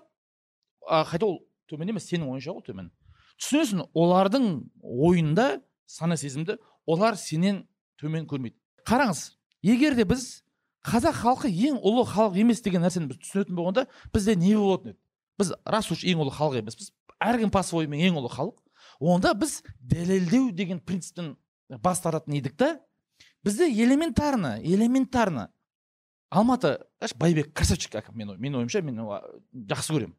Бірақ даже тіпті сол кісілердің өздері алматыны ремонттаған кезде ең бірінші кім шақырды? Варламовты шақырды да. И варламовқа ұнамай қалса бұл жаман ұнаса жақсы деген принциппен өмір сүреді. Бұл айтамын да бұл қалай? В итоге бізде не болады? Туризм бойынша. Біз гипотетически теорияда келетін қонаққа ұнайтын инфраструктура жасаймыз. Гипотетически ұнайтын жаққа скорее всего ол оған ұнамайды. Өйткені біз оны түсініп тұрған жоқпыз біздің ойымызша ұнайтын нәрсеге. Из за того что оның целевой аудиториясы гипотетически жоқ адам ол жергілікті қазаққа да ұнамайды. Ешкімге ұнамайтын екі миллиардтық бес миллиардтық жобалар пайда болады бізде. Егер де біз егер де біз бәріне қоя салып а бұл ауыл кінәлауға бола ма? Жоқ. Өйткені біз өзімізге қатты ұнамайтын ұнамайтын гипотетически құдамызға арнап үй соғамыз. Мен қазір үй- әке шешеме үй соғып жатырмын блин мен үшін гениальный э, не э, проект. Там екі этаж итальян стилінде там или түріктер ну, средне среднемор қалай? Еді? Э, жерорта теңізіндегі стильдегі үй. Там крышасы андай там плоский. Екі жүз елу квадрат. Мен санадым екі жүз елу квадрат самый идеальный екен әке шешеме сонда кіре бересің неде кухня залы бар бірінші этажға спальный екінші этажда үш спальный бар. Блин менің ойымша супер несі бар игронемичный бәрі әдемі. Бірақ мамам айтады да балам зал че то кішкентай жиырма бес па жиырма бес па отыз квадрат. Зал кішкентай. Сосын айтамын мама бұл енді кішкентай дегенде салыстырмалы түрде ғой значит одан үлкен бір нәрсе болу керек қой. Қанша адамға сен қонаққа шақырайын деп жатсың санайық давай отырып санадық. Бір алпыс жеті ма адам шықты гипотетически келеді ол үйге түсінесіз ба? Еще менің балам айсұлтан қазір сегізде. Айсұлтанның құдалығы білмеймін ол айсұлтан қаншада үйлену керек. Айсұлтанның құдалары симай қалады екен үйге. Сосын айттым мама давай так отырайық санайық алпыс жеті адам одновременно мынау мысалы үшін айттым. Сәуле мен оразкүл бір бірін жақсы көрмейді ғой. Енді бір бірімен келмейді ғой бұлар дұрыс па? Енді значит бөлек бөлек келеді. Значит алпыс жеті адамды шақырайық. Ну давай сен жиырма жиырма бестен шақырма оны сен бес бестен енді бес семьядан шақыр. Енді күйеу болса оннан келеді күйеу жоқ болса жарайды одан көп келеді. Сөйтті бірақ жаңа жылда жазда мен саған үлкен терраса соғып бердім әдемі терраса ол жерге тағы отыз адам шақырсаң болады. Енді ауызда шараға енді э, сөйтсем ұмытып кеттім ғой. Ораза ауысатыншы қыста да болатын. Айттым э, сөйтіп папа айтады ғой ана навес дейді машинасын навес навес сен жап дейді. Неге десем құдалық келсе соға билейміз дейді ғой то есть оны кінәлауға бола ма? Жоқ. Өйткені оның достарының бәрі соққан үйлер. Мен қазір үй, сол санадым мен үйге бір екі жүз миллион ақша кетеді екен. Мен ойладым екі жүз миллионға үй ала салайын деп. Мен қазір үйіме екі жүз елу квадратқа мен ойлаған үйге екі жүз екі жүз миллион кетіп тұр. А бірақ төрт жүз елу жеті жүз елу сегіз жүз елу мың квадратқа дейін үйлер сатып алуға болады сол ақшаға. Неге? Кезінде ол адам гипотетически баласының тойына жеті жүз елу квадрат үй соққан ғой түсініп қазір өзі ғана тұрады. Өзі және күйеуі тұрады. Ана баласы енді жағдай болған ғой біреуі бір жерге кетіп қалған біреуі басқа жаққа кетіп қалған то есть айтайын деген нәрсем біз қазір біреуді кінәлауға болмайды. Ойбай біздің билік оңбаған экспоны жасап жатыр деп өйткені сен ол олардың қолында біздің енді 80 миллиард долларлық ұлттық қор бар ғой. Они могут извращаться ана кеше блиновская деген той жасады да өзінің туған күнін жасады. Миллиард екі жүз мың теңгеге. Кеше саладарда той жасапты почти екі миллиард теңгеге. Ну дұрыс басында бір фантазиясы бар. Әр адам өзі по своему травмированный ғой енді оны кінәлауға болмайды бірақ оның ақшасы бар ол жарасады. Өзі көр хочешь так делай. Аналар да байқұстардың бастарындағы аварияларын енді қолдан ақша бар істеп жатыр. А біз ше біз өзіміз басымыздағы аварияда ақша жоқ бола тұра гипотетически сенің құдаларыңа сен үй соғасың элементарно спальныйыңды и в итоге не болады? үш жүз алпыс бес күннің он күнінде қонақ келетін шығар үш жүз елу бес күні сен де некомфортный жерде тұруға мәжбүрсің. Залың үлкен болатын болса. Сенің ә, спальныйың ондай үлкен емес сенің ә, шай ішетін жерің үлкен емес. Сондықтан мамаға айттым давай мама ә, мен енді обещаю. Он күн қонақ болатын болса сима жатса ритс карлтон алып беремін саған дедім. Енді ритс карлтон асқан нәрсе жоқ құрсын кешке қарай үйде қонсын азында ритс карлтонға апарайын сонымен нормально болады. Ну сол дешевле чем мынауың ше өйткені қазір мен айтады да мен спальнямды қосып жібере салайық жердегі мен үстіне шыға салайын мама деп сен қазір уже алпысқа жақындап жатрсың аяқ ертең аяғың ауыратын жайдан шыққанда зачем не істейсің? В итоге приходит не болады сонда? Залда жатады да кейін түсінесіз ба? А когда как мен айттым мама мынау енді сіздерге ғана соғып жатқан үй зал обычно салқын. Енді салқын енді біртүрлі ғой. Салқын енді азында келіндер тұрса жатса енді ол ә, сөйтеді келіндер тұрып ә, жатқанын көрмеу үшін ерте тұрады. Өз өзіне геморрой істеп жатыр да түсінесіз ба? И біз бұл геморройды өміріміздің бүкіл жерінде көрсек болады. Сүйікті емес жұмысымыз сүйікті емес сүйікті емес үйі сүйікті емес машина сүйікті емес мотоцикл мотоцикл болса сүйікті емес там ремонт то есть сүйік- сүйікті емес перде. Біз кез ана то есть қазақ ұлы деген нәрсені до того біздің басымызға сіңіп кеткен. Даже қазірдің өзінде біз біреуге ұнау үшін менсіз айтайын ұнамайды ол. Неге? Ұнайды деген нәрсе субъективный. А оның орнына ол адам өзінің несіне ұнайтындай бір бір, бір изюминкасы болатын болса білмеймін өзім қасында фантазиясы қандай? Может жапон стилінде істейді ма? Может киіз үй істейтін шығар өзі біледі. Ана уже сенде бір не болады? Почему? Потому что ол онымен конкурент онымен мақтанып тұр.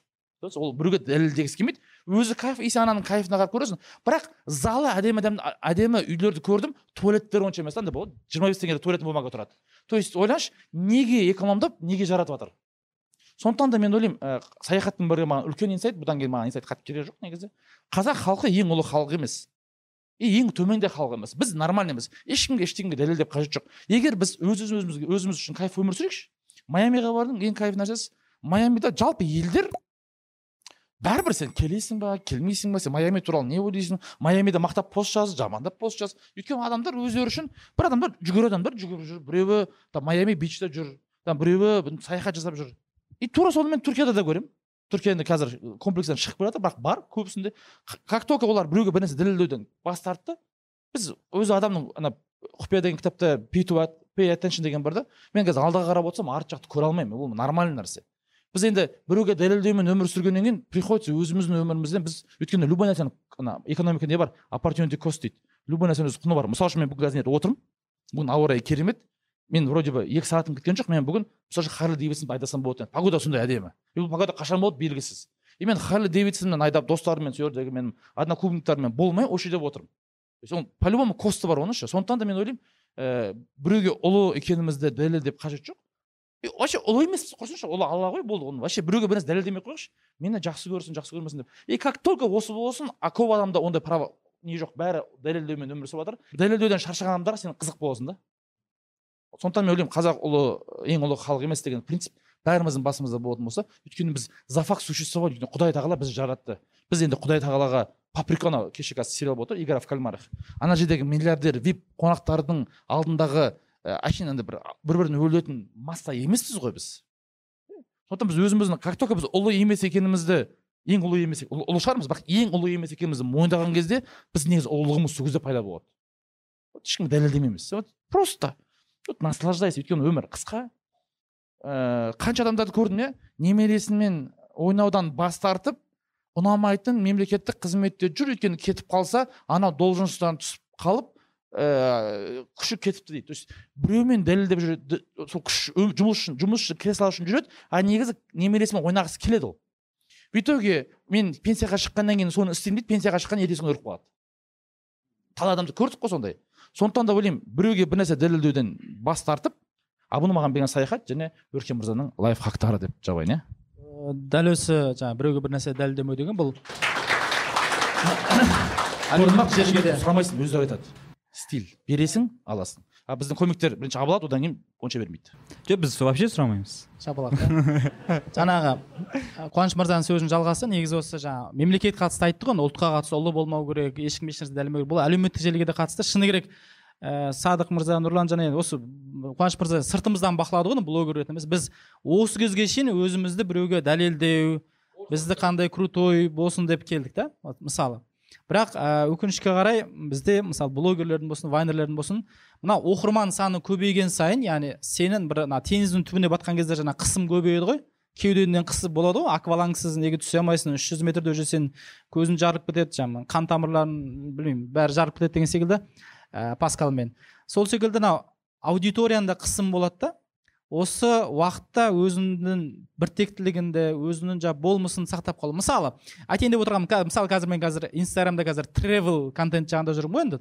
Бүкіл контентім бір сексен пайызы тревел шығар яғни өзіме ұнаған тақырып. Егер ол инстаграм жабылып қалса да мүмкін қағазға жазып қоятын шығармын. Ә, бір подписчик жаңағы сегіз жүз подписчик деген бір подписчигім болса да бәрібір эфиопияға баратын едім деген секілді яғни ол менің қызығушылығым менің құмарым. Біреу жаңағы арақты жақсы көреді біреу темекіні жақсы көреді біреу қызды жақсы көреді мен жаңағы саяхат жақсы көремін деген секілді ол менің слабостьім ол бір мақтанатын нәрсе емес. Ол менің әлсіздігім былайша айтқан кезде. Бірақ әлсіздігімді жаңағы минусты плюс деген секілді адамдар мен ерігіп бір жаққа барғанның өзінен бір пайдалысын деген қосымша функцияға айтайын деп отырған. Бізде бір бір мысал бар өте атақты блогер бірақ орыс тілді. Осыдан бірнеше жыл бұрын ә, әйелінің екеуінің сүй сүйіндіп жатқан фотосын салды да. Ой жоқ мен оны жоқ мен кітапқа жаздым ғой оны құрсын да? Иә. Мәссаған. Оны бәріміз білеміз ғой айттым ғой. Ержан арашев әйелімен сүйісіп суретке салыпты деп да бастадым мен оны бірақ ары қарай өрбіткім келген ойым. Жүз мың қанша лайк еді? Он мың лайк жинаса Иә, иә. ә, сүйіскен фотомызды ары қарай саламыз деген. Салды ғой. то есть оқырманға подогревать ету ғой иә. То есть айтайын салды и мен ары қарай осы ойды дамытқам да енді бір бұның да бір дәурен өтеді. Енді екінші рет екінші рет салған өтпейді ғой тағы да сүйсініп жатырмыз ал енді жиырма мың лайк деген. То есть надо же дозу повышать мен ойлаймын да келесі жолы мысалы. Әрине қазір ол ондай бармайтын шығар. Мысалы біз қазір міне шешініп дайын жатырмыз жыныстық қатынасқа міне түскелі жатырмыз. Бәрі дайын. Егер- сәл қалды. Иә сәл қалды бір мың от салсаң мен бастаймын деген сияқты ма? Прелюдиясы болып қойды енді бір жүз мың болса ар жағын көрсетеміз. Видео HD там ютубтың андай жерінде сілтемесі айтайын деп отырған ә, бағанағы бір ағамыздың сөзі бар. Ең жаман жағымпаздық бұл публикаға жағыну деген сөз бар. Популизм. Иә по- популизм дейміз енді публикаға жағыну яғни менің ә, мысалы өте қарапайым мысал тағы да біздің ә, садық мырза жақсы біледі. Сен мысалы айталық анталияда жүрсің саған айтады сен неге жер туралы жазбайсың? Сен неге маңғыстаудағы малдардың қырылып туралы қырылып туралы жатқаны туралы жазбайсың? Сен патриот емессің ба? деген секілді. Вот оқырманның қысымы деген осы.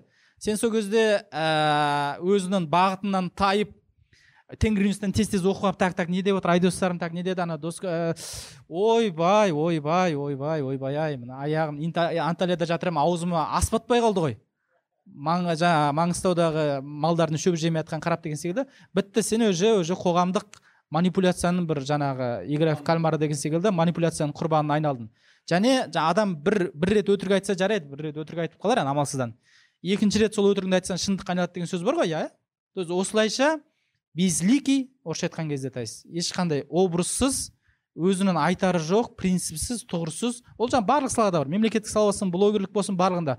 Осындай дүниеге айналып шыға келеміз да. Яғни бұл жердегі басты принцип қандай? Өзінің даралығыңды жаңағы ұл емеспісің сен жаман емессің бір подписчик болса да миллион подписчик болса да сен айтар ойын өзгермеу керек. Әлішер елікбаевтың мысалы. Мысалы бізде әлеуметтік желіде чайниктердің тоқсан пайызын естиді. Мысалы тоғызыншы майда бәрі тоғызыншы майды құттықтап шығады ғой бір. Сегізінші март дейікші мысалы. Сегізінші март халықаралық открытка жіберу тоқсан пайыз чайниктер солай істейді. Өйткені ол андай ғой. Таңертең ііі терезені қарадың алматыда жаңбыр жауып жатыр зонтик алып шығамын деген секілді ғой. Әлеуметтік желіні бүйтіп терезесін ашасың так не болып жатыр не болып жатыр сегізінші март? А о сегізінші марттың зонтигі деген секілді. Мысалы әлішер елікбаевтың теориясы жоқ. Сен егер әлеуметтік желінің лидері болсаң благосфераның былай жеке лом болсаң лидер общественный не елдің бәрі сегізінші март деп жатқан кезде сен вообще жаңағы білмеймін малдың қарасан деген ауру ма білмеймін. Сен не туралы жазып жатрсың сен? Грек мифологиясы ма бмв ның бір бәле артқы дөңгелегін жел неден шығады деген секілді тақырыбында жаз мықты болсаң соған назар назарыңды аудар. Иә то есть шеберлікпен сторителлингпен білмеймін креативпен. Иә жоқ мен қара осы ғой. Иә вот осы да мысалы үшін неде? Көп журналисттер айтады да қуаныш мырза сіздің аудиторияңыз бар окей. Сізбен давайте бір жер мәселесін сөйлесейік например. Или болмаса бір ыыы, ауыл шаруа бір любой тақырыпта айтамын неге сен ондай маған пікірдесің? Мен мен ол туралы айта айта алатыныма немесе айтатыныма. Бұл сіздің подписчиктеріңіз бар ғой деп қара давай так. Мен негізі аполитичный болуға аполитичный болуды таңдадым. То есть саясат туралы айтпаймын. Бұның себеп көп. Өйткені мені қорқақ дейді там басқа дейді. Бірақ мен бірақ солай мен аудитория жинадым. То есть мен өзім аудиторияма сенемін. Мен аудиториям ыыы оқыған шоқан деп ойлаймын. Бірақ анау айтады сіздің аудиторияңызды жеткізуіңіз керек. Нені жеткізу керек сен аудиторияңа? Білмеймін там вакцина там жаман деп айту үшін не қыламын ол адамның? Өзінің бір өмірі бар ғой. Сен неге маған ә, ол кісілердің ә, саясаттан бір, бір, бір тақырыпты қозғауға мәжбүрлейсің? Неге өйткені ол кісі и так атака болып жатқан жер көп қой. Может быть мен оларға сол саяси ә, бір ә, демагогия ғой содан шаршап маған келетін шығар. Может мен кітап жазғанымды мен может мен мен харли дэвидсонды может мен бір мотоцикл бір, бір нәрсені қызығатын шығар. Неге сен бұл адамнан ол дофаминнің бөлуінен айырасың сен? Неғып сен маған онда функция беріп жатрсың анау түсініп отырсыз ба? То есть ә, ренат заитов неге забастовкаға шыққан кезде қандай моментте болды? А қазір мен айта алмаймын бір нәрсе болатын еді деген сияқты. Сондықтан да істейтін адам мен ойлаймын қазір ана сөзбен ана бір жасайтын адам бар бұл бір керемет нәрсе. Адамның ішінде духы болып тұр ғой. Бірақ менің ойым ә, ол жерде ә, саясат кстати мен қатты разбирательство мен түсінгенмін оқығанмын там неғылғанмын мен осознанно маған ауыр болды ода кету мен нәпсіме негізі жағып тұр мен негізі қазір олай болатын болсам бар ғой жақсы бір хайпажор болатын едім негізі бар ғой бір депутат болып алатын едім негізі мен сөйлей қазақ еліне плюс Қазақ минус бір хайпажор болдыңыз болды ғой бір иә иә солай болды ша а бірақ мен осознанно таңдадым бұл жол ұзақ жол мен ойлаңызшы мен қазір ә, осы осы стратегиямен жүргеніме почти алты жыл болды алты жылда менде өйтіп бүйтіп екі жүз он бес мың подписчик жинадым ба а мен хайповать ететін болсам а менде ол потенциал бар және ол білім бар оның технологиясын білемін. Менде бір бір жарым миллион ба болатын еді. А бірақ а мен қазіргі менің текущий істеп жатқан аудиторияма мен қызметін жасай алмайтын едім. Бізде андай принцип бар ғой қазақ халқын құтқару деген. Сәл бір сәл бір не болса бір қолына бір ерекше бір күш бітсе ол ақшалай болуы мүмкін билік болуы мүмкін может бір аудитория болуы мүмкін. Анау адамда қазақ халқын құтқару яғни ол үшін құтқару деген бір функциясы ішінен оянады. Бір жын, ол сол жын деп айтамын мен ол жын оянады. Ол бір білмеймін ол например ә, сен равонмен жүрдің бір күні елу бес алдың болды сенде уже оянады ол жын. Иә сен уже ауылда қарашке ана қыздар бұзылып бара жатыр дегеннен басталады. И ол жын адамның несіне байланысты кеше бір ба- жақсы бауырыммен сөйлестім айтады да. Қуаныш ә, аға дейді осы бір қазір тұлғалар аз дейді. Не, не сөз құрсын бар ғой. Тұлға деген не ол деймін? Тұлға деген адам дейді ол дейді халықтың несін айтады? Халықты бір тәрбиелейді дейді сол халыққа бір не айтады? Қарашы ә, ол тұлға адам халыққа тәрбиелейді деген бұл грубо говоря енді аузына келген бір очередьпен келген әңгімені айта бересің ба? Или сол ма? Жоқ ол адамда өзінде болу керек ол дейді. Ол не ол? Өзінде болған қалай білеміз? Ақшалай ма иә значит получается адам егер ә, ақшасы болса және де ақшасы болғаннан кейін ол тұлға болып қалыптасу үшін елге ақыл айту керек па сонда? Иә. Ол кісінің басында картинка сол. То есть қазақ халқын құтқару деген принцип пайда болады. Мен бір күні өзім ұстазым артем овечкинмен сөйлесіп отырмын да и қараймын артемнің орыс халқына деген пофигизмі миллион процент та. И мен ойлайсың так артем а значит жай ашымайды халыққа. Б значит бұл патриот емес енді оценка сол ғой. Егер мен де қазақ халқы солай ойласам солай айтатын еді маған. Айтамын артем дедім сұрақ. Сен сонда орыстардың жаны ашымай ма? Қарашы қаншама жезөкше бар сенде қаншама алқаш не тоғыз процент адам қазір алкоголизмде отыр десем. Путиннің анау. Путиннің анау сен не как ты можешь сен миллион долларға неде испаниядан барселонадан үй алды да сен қалай миллион долларға не церковьке ақша салмайсың десем сосын айтады да қуаныш как как бы олардың бастары бар ғой. Ол істеп жатқандар бастары бар өздерінің өмірлері. А неғып мен напрягаться етуім керек? Но при этом артем қайырымдылыққа там басқаға ол тұрмақ не то что орыс айдалада жүрген мен қазаққа қалай көмектестім мен негізі өз өзіме қол жұмсаудан қайтқан адаммын ғой артемнің ар- әуелі екінші артемнің арқасында. То есть нәтиже беріп жатыр ма? Беріп жатыр сол сияқты мен айтамын да сен егер де біреуді біреуді құтқаратын болсаң фундаменталды егер көзқарас алатын болсаң әшейін қарапайым кім кімді құтқарады? Әлсіз мықты ма? Мықты әлсізді ма құтқарады? Иә? То есть әлсіз әлсізді мықты құтқарады. Егер сен өзің ойлап отырып мына қазақ халық қыздары бұзылып бара жатыр болмаса бір қандай бір дініміз кетіп бара жатыр иә? Там басқа қандай бар? Көп қой элемент аш бәрі. Аш бәрі бүйтіп жатыр аналарды алдап кетіп жатыр мысалы пирамида бүйтіп жатыр деп. Істейтін болсаң сенде не болады аналар значит туповатый. Ну тупой. Әлсіз. Сен күштісің. Өйткені күшті әлсізді ғана құтқарады. Әлсіз күштіні құтқарамайды. И жалпы қазақ халқының болашағы тұр. Мәссаған қазақ халқына қызмет ете алмай өлетін болдым дейтін адамдар болатын болса қызмет ете емес құтқарамай. Е мен қазір кетті болды. Мен өкінемін. Кезінде бір нәрсе жасау керек еді деген сияқты. Ол қазақтың ішінде кім бар? Қазақтың ішінде үшеуміз бармыз. Автоматчина кісілер бар. Оның әке шешесі бар. Абай құнанбаев бар. Қаныш сәтбаев бар. Ә, қонаев бар. Е, қаншама әлихан бөкейхан то есть бүкіл қазақ халқы бар. И ол бізді құтқарайын деп жатыр да. Көп адамдар да оның тәкаппарлығы сондай. Ішкі тәкаппарлығы сондай. До того мықты өзі туралы самооценкасы. При түгі жоқ болуы мүмкін. Бірақ ол қыздарды құтқаруға иә болашақтың то есть анау абайдың жазған қырық бес қара сөзі херня болып тұр енді ол абайдың қара сөзі де соған бағытталған ғой негізі. Ол жеткіліксіз болып тұр. Приходится ананы құтқаруға. Мен айтамын да не болу керек? Хорошо халықтан біз төмен болатын болсақ онда күшті әлсізді құтқаратын болса онда әлсіз күштіге не істейді онда? Егер ауыстыратын болсақ халық күшті қазақ халқы бұл жерде. Мен әлсіз болатын болсам не болады? Әлсіз күштіге бір ақ нәрсе істейді ол қызмет жасайды. Иә біз қазақ халқын құтқарудан бас тартуымыз керек. Во первых қайсысың не құтқардың деген сұрақ болатын болса любой адамда жан айқайлап шулатып көкірегін ұрып жүрген қандай адам бар. Бүйтіп жеме жең қалсаң кімді құтқарғанда вопрос бар. Ол бір гипотетический семьяны гипотетически біреуді құтқарып жүр. Жарайды енді бір біреуге бір участок жер алып берген шығар енді жарайды оны ол құдай тағала сауабын берсін оған. Но бірақ ол ә, бес адамды келісіп шығара алмайды ғой потому что оның атакасы халыққа еді ғой. Еді ұлтқа еді ғой ол ше енді ұлтты абай ұлтты құтқарды деп айта аласың ба? Вопрос. Абайда қырық бес қара сөз бар. Оның сегізінші қара сөзі ғана қазір не актуальный екен. Қазаққа ақыл керек емес деп айтады. Қазір керек сұрап жатыр қалған қырық төрт қара сөзі негізі актуальный. Абай соншама аузының аузының дуасы бар аузының бір қаламының құдіреті бар. Адам абайдың өзі айту арқылы ұлтты құтқарды дегенге вопрос ол. Вопрос. А сен ұлттың құтқаруына атака жасап алып бес адамды маған кесіп шығара алмайсың. Өйткені бұл болмайды. Сен өйткені олимпиада чемпионы боламын деп барып сен маған жетінші орынмен сегізінші орынмен отыз бесінші орынмен не то что вообще финиш жасағанмен мақтана алмайсың өйткені сен маған олимпиада чемпионы боламын деген немен кеттің? Уәдемен. Уәдемен кеттің сен. А егер ол болмайтын болса не істеу керек? Онда егер халық сенен жоғары болатын болса онда сен оған қызмет ету деген функция болады сенде. Қызмет етесің. Ол қызметіңді қабылдауы мүмкін қабылдамауы мүмкін. Ол қызмет это не значит оның бір аузын сүртіп оның бір бейшара қылып қаласың. Өйткені ана жан ашудың өзі де негізі ол ішкі тәкаппарлық қой. Өйткені анау бір әлсіз екен анау сенен жоғары тұрасың. Сондықтан менің қазіргі принципім ана адамдар айтады ғой сен халықты неғып мұқтамайсың жоқтамайсың. Хорошо ол халық деген кім?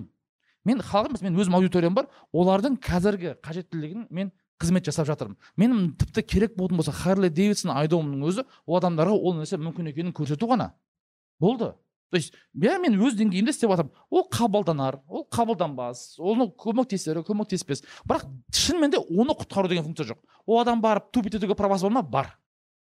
Мысалы үшін айтамын ғой. Үлкен мынандай бір та- татуировка салып алған қызды мен құрметтеймін. Мынандай бір болса шашын бір істеп жататын болса. Не үшін құрметтеймін? Ішінде оның қоғамға қарсы тұратын күші болғаны үшін. Өйткені әке шешесін жеңіп жатыр ол адамның күресі мен орамал таққан қарындасының күресі бірдей екеуі. Түсініп ба бірдей потому что просто оның направлениесіне кетіп қалған да мына татуировкаға ше ішінде күші бар. Просто ол күшті дұрыс жаққа жұмсасақ анау қыз как бы кез келген нәрсе іс- істейтін еді. Мен айтамын ғой ұры мен кәсіпкер бір адам. Ұры мен кәсіпкер. Неге? Өйткені ұры ол ақша табуға деген желаниесі бар. И одан қорықпайды ойлашы сен. Рұқсатсыз біреудің үйінде жүру деген қандай батылдық керек? Есігін тақылдатпай. Иә сен иә әшейін ол тұрмақ сен туалетке барып қорқасың ғой кейде иә. А ұры соны істейді. Кәсіпкер де ақшаға деген желаниесі бар. И және оны жүзеге асырудан қорықпайды. Единственный нәрсесі екеуінің формасы бөлек емес то есть ішкі ниеттері жақсы. Сол үшін көп криминальный жүрген жігіттер тараздың жігіттерін қарасақ та олар и опг ның басшысы да бола алатын еді и болмаса үлкен бір компанияда басқара алатын еді. Просто формасы дұрыс емес кетіп қалған да оған просто көрсетпеген что басқа вариант бар. Иә то есть сен оны айтып қажет жоқ өйткені ішінде ол қуат уже бар ода.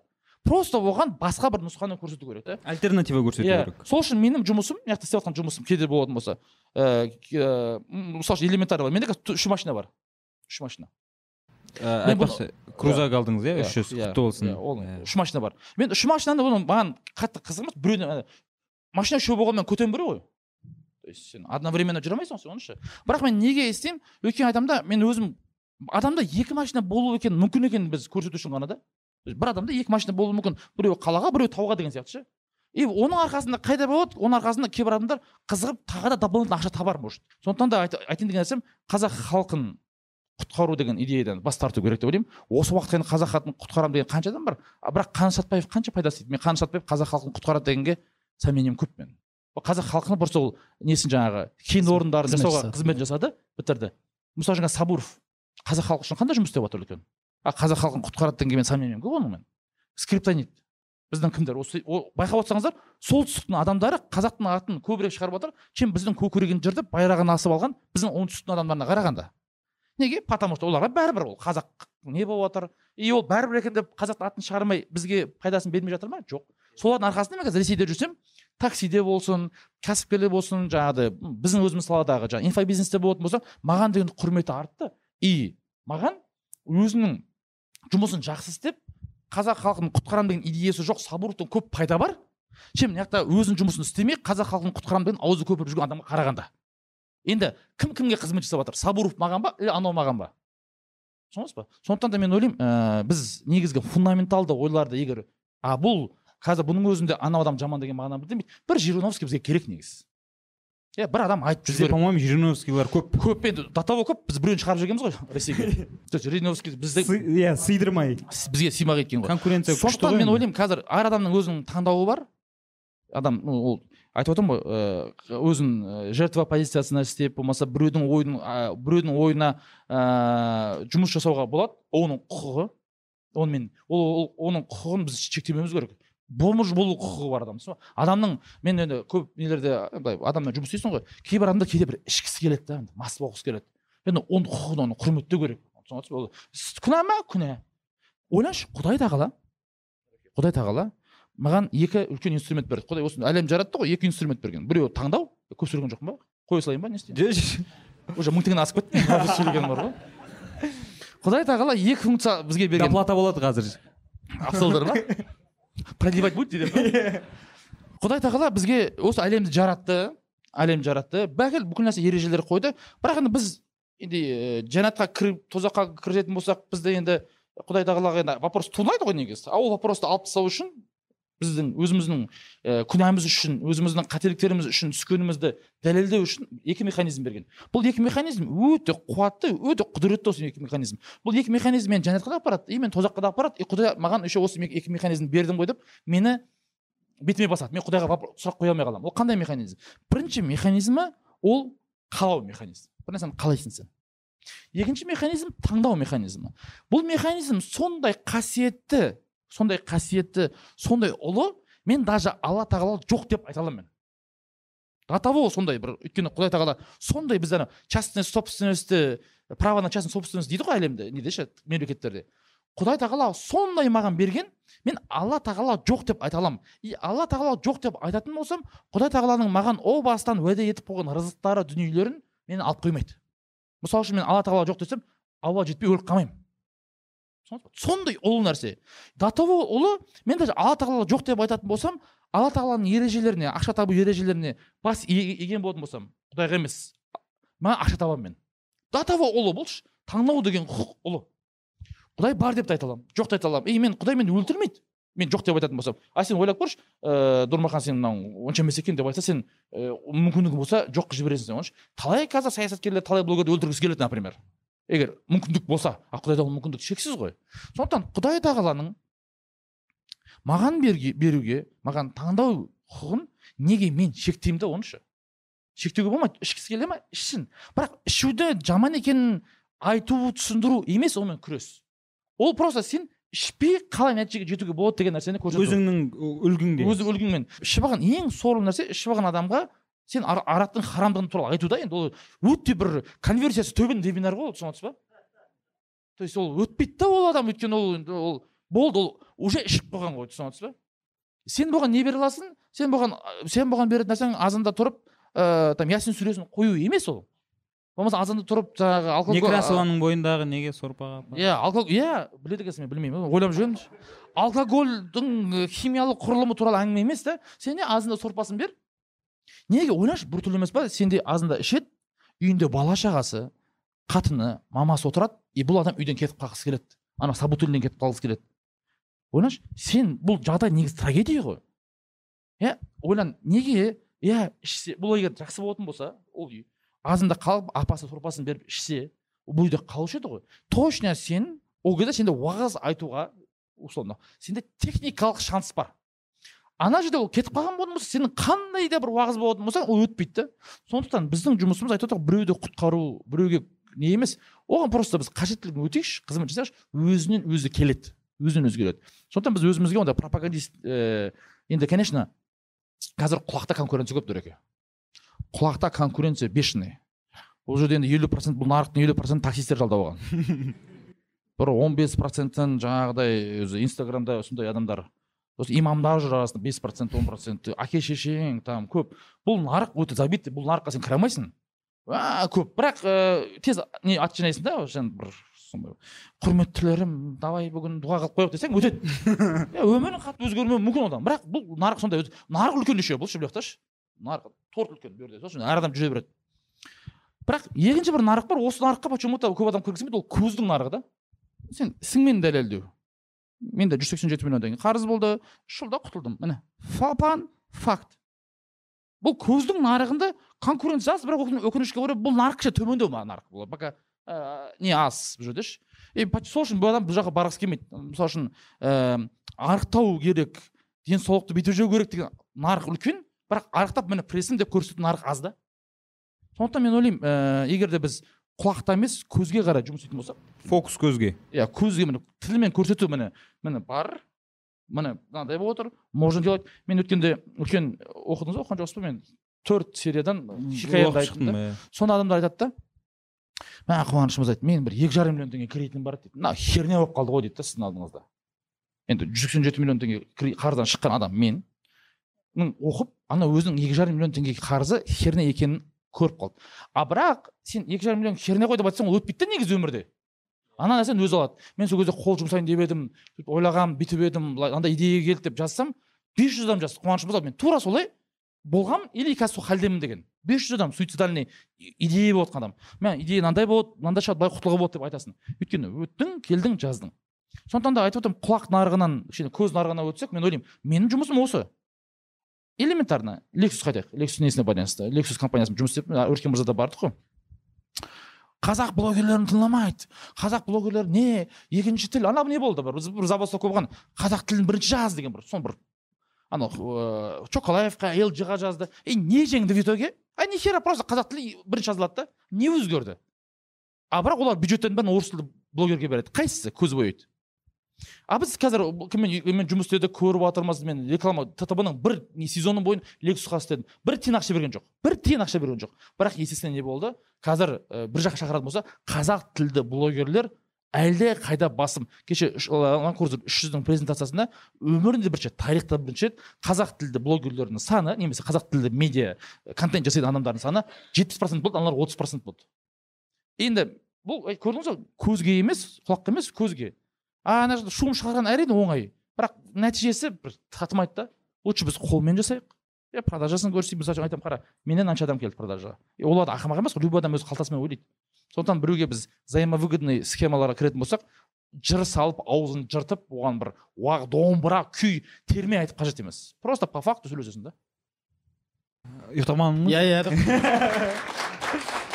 Қоштаушы. Ана керемет бір сөз бар ғой. Педагог та педофил де баланы жақсы көреді бірақ екеуі екі түрлі жолмен жақсы көреді деген секілді.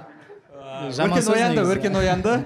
Осы сөз бағана бір ойланып отырады деп жарты сағат уақыты бойы шанс болмайды Осы арасын естісе айтып тұрамын деген ойнап айтамын ә, жоқ ә, негізі жаңағы қуаныш мырзаның енді бүгін әңгіме өзі бір тақырыптан бір тақырыпқа ұласып жатыр. Органично или неорганично жаңағы қазақты құтқару керек деген ойда мысалы бір екі инсайт айтып берейін. Мысалы эстонияға барасың бір, бір миллион үш жүз мың халық. Осы алматы қанша қа- екі миллион болған шығар енді алматы. Алматының халқына да жетпейді бірақ бүкіл ана болт деген такси содан біз ә, цон егов жүйесін солардан қарадық.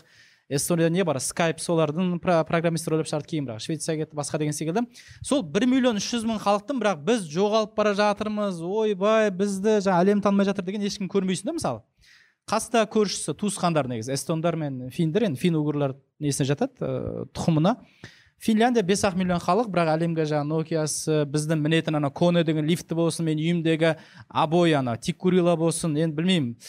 Ә, біздің эйр астананың ұшақ ұшқыштарын өзі екі ақ жерде оқытады бірі испанияда бірі финляндияда тампере қаласында өйткені ең үздік білесіздер білім беру жүйесі финляндияда. Ең үздік ауыз су білесіздер финляндияда ана қонақ үйлерінде бізде не тұрады ғой мынандай су ше енді? Өйткені краннан ішуге болмайды ғой алматы болсын қай болсын америкада болсын ол жақта жаңағы гордус деген гордусты сол жерде көрінеді мақтаныш қандай? Табличка тұрады. Біздің финляндияда ең таза ауыз су смело краннан іше беріңіз бізде не таппайсың андай? Бутылочный су таппайсың. Пожалуйста басын жуасың ба ішесің ба өзің біл деген секілді.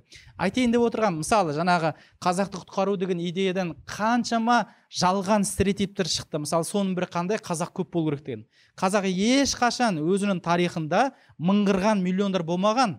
Қасым ханның кезінде қанша? бір миллион болды дейді. әлиханның кезінде алты миллион болды дейді.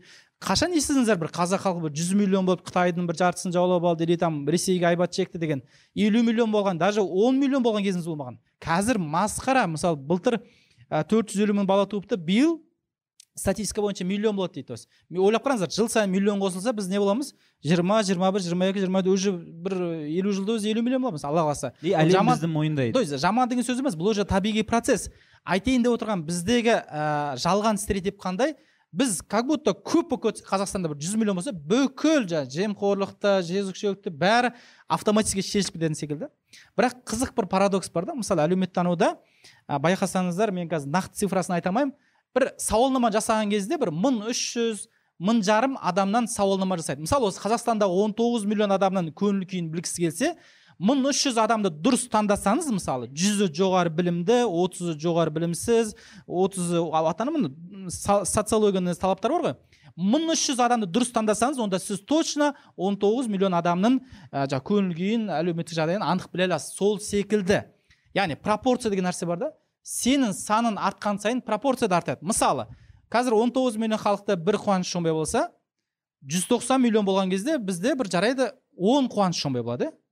Бізде қазір ә, бір 500 мың кәрі қыз бар болса енді сондай айтады енді. Кәрі қыз деген жаңағы отыздан асып кеткен айып етпеңіздер енді ә, мысалы 100 миллион болсақ демек қанша болады?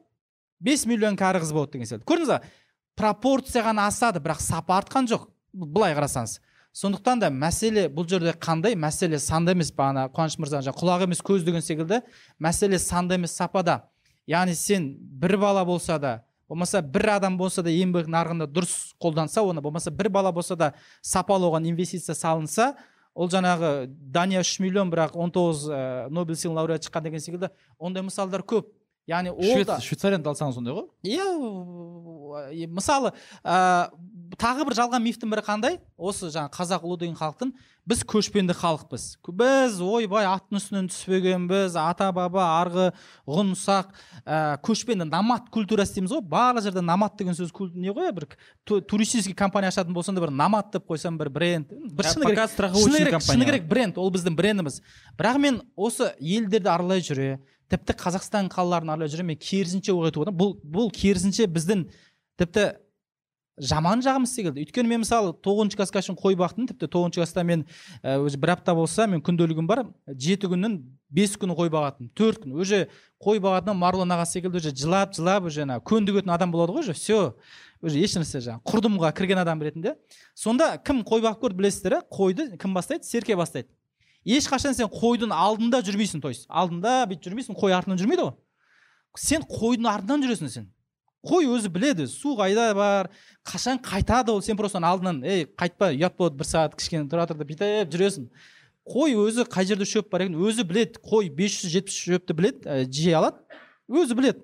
Сен оны айтпайсың мына шөпті же мына шөпті жеме деп алдында жүрмейсің ғой. Айтайын деп отырғаным мен бұл өте утопичный ой болуы мүмкін. Біз көшпенді халықпыз дегенге өте көп мақтандық та то есть бірақ ол мақтанымызды моңғолияға точно жете алмаймыз. Өйткені ол салтты сақтай қалмадық.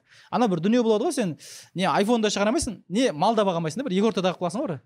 Не жаңағы туалет ә, бір тамақ жедің да тойып бірақ туалетке кірген туалет занят бір болады бір. Тура қазір солай болып тұр ғой солай. екі ортада қалып қалған. Біз ондай болмауымыз керек. Мен керісінше айтып отырмын. Мысалы түркістанда кім туды білесіздер? қырық бес километр жерде сауран деген қала бар. Сауранда 15 бесінші ғасырда әрине біз сағмамыз бірақ қазақтың қаласы ғой. Бұхардың әмірі медресенің екі мұнарасын салдырған шамамен 40 30 30 метр. Мұнараның сол кездегі технологияның шарықтаған соншалық и ақшаның көптігі соншалық не істеген? Мұнараның конструкциясы болған. Тәуелсіздік жаңа жыл секілді мерекелерде болады ғой бір бізде салют атады ғой. Мұнараны для прикола қимылдатқан былай. Екі мұнара теңселетін болған. Қазіргі заман дамыған деген дубайда гонконгта сингапурда ондай ғимарат жоқ. Оны бүкіл заха хадид болсын марқұм өліп кетті енді білмеймін. Сэр э, норман фостер болсын ондай конструкция жоқ. Что мына мұнара бүйтіп қимы- қимылдап тұрады. Бурж халифа қимылдай ма қимылдамай ма? Қимылдамайды. 15 бесінші ғасырда біздің саурандағы екі мұнара бүкіл арабтың венецияның саяхатшылары шоке. Кәдімгі шоке. Екі мұнара қимылдайды. Мұндайды әлемнің ешбір жерінен көрген жоқпыз. Бірақ сол далада тұрды ма сол мұнаралар жоқ қалада тұрды. Біз уже біз уже жетпіс процент урбанизацияланған қоғамбыз біз қалалық жұртпыз уже жоқ көшпенді жұрт емеспіз. Айтайын деп отырғаным бізге отырықшы ә, жұрт екенімізді иә отырықшы мәдениет екеніміз. Мысалы айтайын деп отырғаным бұның барлығы тағы да жаңағы көшпенді мәдениеттің көлеңкесінде көлеңкесі емес ана бір он метр жердің астына қалып кетеді да біздегі отырықшы мәдениет болған. Керісінше бұл мақтанатын нағыз тұсымыз сол да. Кімде? Ә, мақтанайын десек шынымен де мақтанатын тұсымыз. Мал баққанымыз емес. Вот бізде теңселетін екі мұнара болған болмаса атыраудың қасындағы сарайшық иә Бір- бірінші. кім болды? Болмады ә, атырауда оныншы ғасырда енді атырау сарай- сарайшық бір ғой енді оныншы ғасырда білесіздер әлемдегі нөмір бірінші қала қай қала? Бағдат бүкіл араб, араб халифатының сол кездегі астанасы қазіргі дубай секілді. Сол кезде бүкіл арабтың саяхатшылары жазса не дейді? Сарайшықта әлемде нөмір екінші. Енді бағдаттың астында қай өзен? Ирак ә, тефрат ә, эфрат тигр. Тигр шығар жылжымалы көпір болды дейді. Біз оның конструкциясын білмейміз уже уже елестете алмаймыз. Не қалай ол жылжуы мүмкін? Ол кезде паровой ма двигатель жоқ адамның күшімен ба арқан ба не?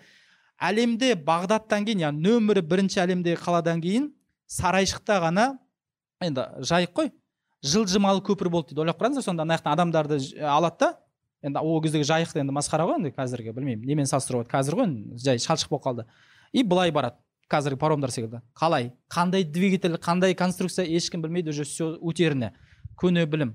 Айтайын деп білесіз отырғаным ғой еще ол ә, қалада құлдар негізі қаланы құлдар салған ғой ол заманда. Иә иә. Сарайшық жалғыз қала что адамдарға айлық төлеген құрылыс құрылысшыларға.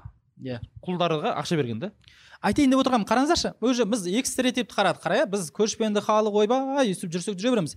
Болмаса жаңағы қазақ көбею керек көбею көбейсе бүкіл проблема жатады. Осы осы стереотиптердің барлығы қайдан шықты? Бағанағы қуаныш мырза айтқан мәселеден да қазақ ұлы. Қазақтың ұлылығы неден тұрды сонда? Көшпенді халық екенінен болмаса жаңағы қазақтың саны аз болды сол үшін біз орыстардан чмо болып қалдық. Біз енді көбейсек ешкім бізге тиіспейді деген. Ерунда то есть мәселе басқа да то есть бағана айтқан мәселе термин болды фокус деген.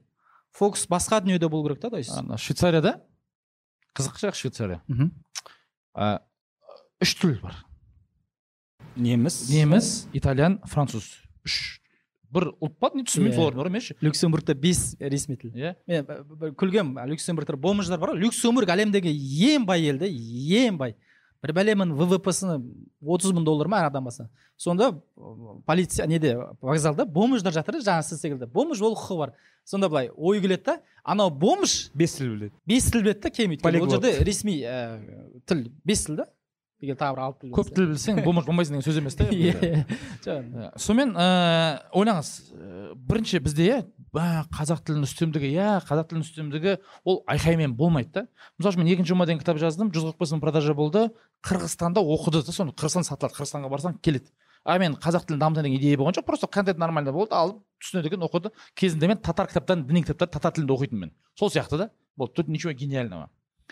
Үш тіл ресми үшеуі еще ровно еще то есть анда үлкен үстемдігі жоқ ешкімнің. Үшеуі. Екіншісі біздің астанамыз көркем болу керек дей ма? Или күледі тастайды депші астанасы жоқ. Швейцарияның астанасы жоқ. Берн деген условный аты бірақ ол астанасы емес та біз женева деп ойлайсың ғой женева әшейін алматы сияқты қала. Астанасы жоқ. Төртіншісі ой теңге мықты болу керек. Ол жерде франк өздерінде ғана. Бірақ несі андай да бір франк бір доллар бір евро тұрады да. То есть по идее евромен келіп төлей берсең де болады. То есть сенің осы уақытқа дейін шекара шекара жоқ. То есть сенің осы уақытқа дейін басындағы тәуелсіздіктің бір мұнарасы болып ойлап есептеген нәрсенің ешқайсысы жоқ. Ол керек емес екенін маған білдірмейді просто. Е аналарда там сол сырымен шоколадымен несімен дамып жатыр неге? Өйткені самобытный иә өздеріне ол тұрып алып швейцария сияқты болайық деген мағына емес. Самобытный өзіміздің жұмысымыз өзімізге ұнататын болсақ елдер келеді. Өйткені қазір сондай ыыы андай бір нелер жағымпаздық тек қана қазақстанда ғана емес қой жалпы көп қой әлемде де бар. Бірақ дубай бәріне жарасқысы келген жоқ өзінің бір қиялдымен жындылығымен істеп жатыр. И бәрі соған барғысы келеді. Ал бірақ ел сияқты болғысы келетін біздің астанамызға қанша адам келді? Потому что көп қалалармен бірдей ақ та мысалы үшін. Сондықтан да жаңа айтайын деген нәрсем біздің стереотип бұл біздің ғана стереотип. Не факт что ол жұмыс істейді. То есть өзіміз железобетон ва- вариант бар өз өзіміз болсақ онда келеді. Бұл ұлт ретінде де халық ретінде де блогер ретінде де оқырман ретінде подписчик ретінде ешқандай не жоқ айырмашылық жоқ. Негізгі инсайт осы. Жаңа ә, жындылыққа қатысты жындылық негізі сіз айтып жүр дубай сияқты қала тұрғызу мысалы үшін ыыы сіздің кезінде жаңа халал ресторан ашам дегеніңізде сондай бір не ғой енді? Бунт қой былайша айтқанда? Ыыы қайдан білдіңіз? Бірінші сөз болды бунт иә. Жоқ ол шығармашылық бунт болды иә иә иә. Илон масктың да тірліктеріне екеуміз бір дейміз түсінемін мен оны ше жоқ біз мысалы үшін ә, ондай мынандай болды да біз түнгі студияға елбасын шақырамыз деген кезде бізге адамдар солай қарайды. Жындысыңдар ма? Қуасыңдар ма деп ше? Бірақ иә. болды иә. Иә. Жалпы сондай қадамдар жасау ә, қазақты құрдымнан шығара ма? жоқ ә- әзіл. Жалпы сондай бір ә, жақсы істер жасауға ә, ө- өзгешеленуге ә, рисковый ма әлде жасау керек па? Жоқ неге ә, жасамасқа соны? ә, қараңызшы мынандай ғой ә, жасау керек соны. Анау неге ііі бұл енді анау бунт деген нәрсе елдің пікіріне қарсы шығу деп алатын болсақ енді солай стереотипке қарсы шығу иә. ол адамдар біздің көп адамдар анау сепарация дейді өзімен өзі әлі до конца сепарация болмағаннан кейін сөзіне қарсы шықсаң өзіне қарсы шықты деп ойлайды да негізі. Хотя ол емес қой оның сөзімен өзі бір адам емес қой. Ә, мысалы үшін ол мен неміс тілін білсе ол неміс болып кетпейді ғой. То есть сөзі это не значит ол ол өзі да. Енді ә, мысалы үшін айталық ә, кеше мен бір врачпен кездестім да рахат клиникасының несімен сонда ә, басшысымен сонда мынандай бір оқиғаны айтып берді. Бір ә, бала энтеровирустан қайтыс болыпты. он екі жасар бала. Себебі ә, анау ат мамасы төрт неге барған ғой клиникаға апарған. Бесіншісіне жатқызғанда бесіншісіне үлгермей қалған екен балалардың энтеровирусы ол тезірек дамиды. Метаболизмасы тез болғаннан кейін. Оны айтады да егер бала түнде ауырып түнде ем басталса ол бір күнде емделеді. Азанда болса уже ол он күнде емделеді дейді. То есть сондай да баланың несі. И анау бала ата анасы апарған анау врачқа сенбеген да. Врачқа өйткені врачтар айтқан хотя төрт клиникада да бірдей заключение жазған бесіншісіне просто уже бала қатты ауырғаннан кейін жатқызған и бала өлген. Сонда айтады неге? десе мамашалардың басында жақсы врач немесе ата аналардың басында. Жақсы врач деген нәрсе қандай? Жақсы врач деген нәрсе оның басындағы бардак немесе каша немесе бір какой то тараканға сәйкес келген нәрселерді айтқан врач ол жақсы врач. Например ә, мен аяғына минис не қылды да ә, зақым алды да. Футболдан? Иә футболдан крестообразный связка екеуі. И сонда маған бір кісі айтты қуаныш мынаны аяққа операция жасау керек деп. Ол мен үшін нашар врач. Өйткені менің ойымда қиялымда бұған операциясыз да істеуге болады. В итоге операция істедім ол бөлек әңгіме конечно. То есть менің басымда тарак идея бар сол идеяға сәйкес келген врач жақсы врач. Сәйкес келмесе нашар врач. Хотя ол ақиқатты айтқан болуы мүмкін жаңағы баланың мамасына сияқты. Тура сол сияқты бізде общественное мнение деген нәрсе ол осындай таракандардың біріккен түрі да ол ешқандай абсолюттік ә, дәлелі жоқ ол туралы. Маған айтқан ресторандарда 25 бес процент па жетпіс процент алкогольден ақша түседі. Сен егер рестораннан ал- халал қылып істейтін болсаң жабылады деді. И соған еще бәрі айтып тұрған жоқ қой. Елдің арасындағы қажеттілікті сезіп отыр бір жиырма сол жердегі ресторатордың басындағы қиял и бұл жиырма рестораторды түсінемін гарвардта оқып келген болатын болса. Ол бывший бармен да түсінесіз ба? Бывший сол жердің администраторы бывший официант. Ол қазір ресторатор деген атағы бар оның. Егер шықсаң жиырма бес кітап оқыса оқыды оқымаса ол жоқ. Просто ол тәжірибелі адам. То есть бұл адам бірақ почему? Жиырма бес адам кезінде оқымаған жиырма бес адам. Оқыған маған түркияда мен бес төрт тіл білемін маған келіп бизнес туралы өзінің ойын айтып жатыр неге сүйеніп? Осы уақытқа дейінгі оның тәжірибесін сүйдім оның тәжірибесі қандай? Арақпен адамды уласаң ақша табасың деген идея. И мен оған сәйкес келмейінше ол маған келіп айтады қуаныш сенің мына бизнес идеяң жүрмейді деп. Вроде бы стереотип болып саналады стереотип деген ол халықтың стереотипі емес ол конкретный жиырма бес осы жердегі жүрген кәсіпкердің стереотип аштық келді атты жүрді. То есть мен не то что елдің бәрі құлап жатқан кезде нұреке ойлаңызшы мен ашқан кезде бәрі күлді ма? бір жыл полный жаптық па істедік па? Келесі жылы до того лариса ивановна хочу ана неде ә, форт шевченко деген ә, төле бида не бар? Ана а, не бар ішетін жер бар. Таза арақ ішетін жер сол жерде конкретно шошқаның етінен кал не этот шашлик конкретно арақ конкретно пиво. Ол жерде осы тема сол ол жерде сексен тоқсаныншы жылдары музыкалар болады. Аудиториясы бар өзінің бір жақсы өз деңгейінде бір ресторан. Ойлашы келесі жылы до того форт шевченко дегенде ифтар берді ғой. Енді бұл қалай иә? То есть ночной клубтар уже кешке қарай уже халал болып кеткен ол жерде түсінесіз потому что көріп тұр ғой. Қарашы сен неге мұсылмандарды құрметтемейсің деп айтып қажет жоқ. Сен кел көрсет. До того қанша нәр, қанша жер қанша өзіне духы жетпей жүрген рестораторлар алкогольден бас тартты. Пармиджано деген ол кезде элита ресторандардың пармиджано тал деген ресторан ашты. Әшейін ауылдан шыққан қуаныш шоңбай ол кезде мен білесіз ғой екі мың он бесінші жылы аштым ба екі мың он төртінші жылы матизбен жүргенмін. Мұғалім едім мен. Ол просто жиырма бес бір адамның басындағы тараканына сенбей отыз жыл бойы қазақстанда жүйелі түрде ауыз ашар, ашар беретін жер болмаған ғой. Түріктерден бір ұйғырлардың басқа рестораннан басқа. Біз болдық бірінші. Кеше ақтөбеге барасың афсона деген мықты ресторан бар хозяин молодец келіп тұрады. Откровенно қуаныш мырза сізден алдық деп айтады енді рахмет мойындаса жақсы ғой. Ең мықты ресторандардың бірі қаланың ортасында менің жасаған еңбегімнің арқасында келді деп мен құдайға ертең айтамын. Сауабым жетпей жатса. Айтамын. А бірақ қазір айтпаймын енді конечно бір құдайға айтамын оны ше қай жерде бунт бар? По сути бунт жоқ просто әр адам өзіне ұнаған жұмысын істеді до того мен не, то что ифтардан ақша тауып мен сол кезде соңғы э, сатпастан бұрынғы жылда мен сәресінен он миллион деген сауда жасағанмын да. То есть ойлап сіз егер де оған сенетін болсаңыз ол нәрсе жүрмей қалуы мүмкін. Менің 2020 жылы жасаған жыр- 12 12 бизнес попыткамның төртеуі ғана успешный болған сегіз атпай қалған елдің бәрі конечно о қуаныш красавчик кітап жазып атып кетті ыыы руми жасап еді атып кетті алғашқы онлайн университет жасап еді атып кетті деген идеямен жүреді. А білмейді ғой что оның алдында қаншама провальный проекттер бар. Сондықтан да мен айтайын деген нәрсем ол бунт это ә, шыққан кезде айтады. А бірақ оның алдында қаншама провальный проекттердің болып жатқанын егер ескеретін болсақ мынау просто заңды бір құбылыс. То есть ана бір ә, не жоқ та? Бір эликсир жоқ істесең атады деген. Ондай ондай эликсир жоқ. Жамағаты болмаған пайғамбарлар болған да. Как сенің айтқан ақиқатың өтпей қалуы мүмкін ол. Пайғамбарымыз оның туған ағасына исламды мойындата алмай кеткен. И ол нормальный сенің ойыңды қабылдамау бұл ол нормальный өмір бұл жерде. Өмір осысымен тәтті ғой негізі. То есть мен біреудің ойын қабылдай алмаймын. Иә мен елдер менің ойымды қабылдамауы мүмкін. А бұл жерде кім? Ә, өзінің ішінде бір құндылығы бар адам өзінің жамағатына егер баяғы тілде айтады қазақ тіліндегі современный тілде өзінің аудиториясымен жұмыс жасайды. Болды ол тамады бір жақсы аудитория тапсаң сенің шамаң келетін оларға қызмет жасайтын. Болды ол- осы жерде уже дальше көп эксперименттер жасай берсең болады да. Жақында бір компания сатып алып жатырмын жаңағы производство косметикаларын. Енді қуаныш шонбай косметика қайда деген прикол ұстауы мүмкін. Егер атып кететін болса анау тағы да о қуаныш гениальный екен деп айтуы мүмкін атпай қалса ешкім білмейді да оны сондықтан да мен ойлаймын ә, адам просто өзіне ұнағанын сенгенін ііі елге пайдалы елге демей қойшы аудиториясына пайдалы болады ау деген бір идеямен жүрсе ол түбінде атады түбінде жүреді сол кезде айтады мә сен гений екенсің деп ал атпай қалады миллиондаған проект болатын болса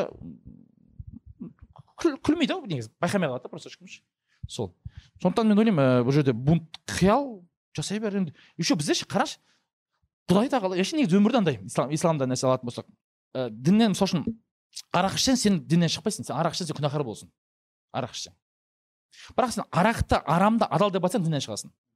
Исламның принципі сол. Бітті принцип. Ііі құдай тағала бұл дүниемізді жаратқан кезде біз ислам өзі мұсылман болу негізі оңай ғой қатты қиын нәрсе емес енді харам еткен нәрсесі халал еткен нәрсесінен миллион есе аз да. Қанша нәрсенің еті бар бір бес алтауының етін харам ше қалған еті халал да. Понятный историялар ше. То есть бұл жерде құдайдың бізге рұқсат еткен нәрселер көп дүниеде. Сол құдайдың рұқсат, рұқсат еткен нәрсесін біз өз өзімізге харам қылып аламыз да түсінесіз ба? Например сары м- мятовый футбол толстовка кию там нон стоп прогресс деген. Бұл халал. Бірақ бір адамға неғып сен жылтырап ақ нәрсе киіп жүрсің деп айтуы мүмкін. Құдайдың харам халал еткен нәрсесін кейбір адамдар бұны харам етуі мүмкін. Болмаса ақ нәрсе кию например иә то есть адамның басындағы шектеу құдай маған шектеу қойған жоқ. А бірақ какой то бір жүрген адам маған шектеу қоюы мүмкін. Харли дэвидсонмен жүру халал какой то бір адам айтады да «М, өйстіп ырбаңдап жүресің ақшасын біреуге бере сал деген сияқты то есть құдайдың харам еткен нәрсесін мен жасап жатсам жарайды енді может быть и то вопрос конечно. Бірақ құдайдың адал еткен нәрсесін мен жасаған кезде оны бір харам сияқты айтатын болса анау адам өзінің дінінде өзінің иманында негізі вопрос қою керек оған негізі.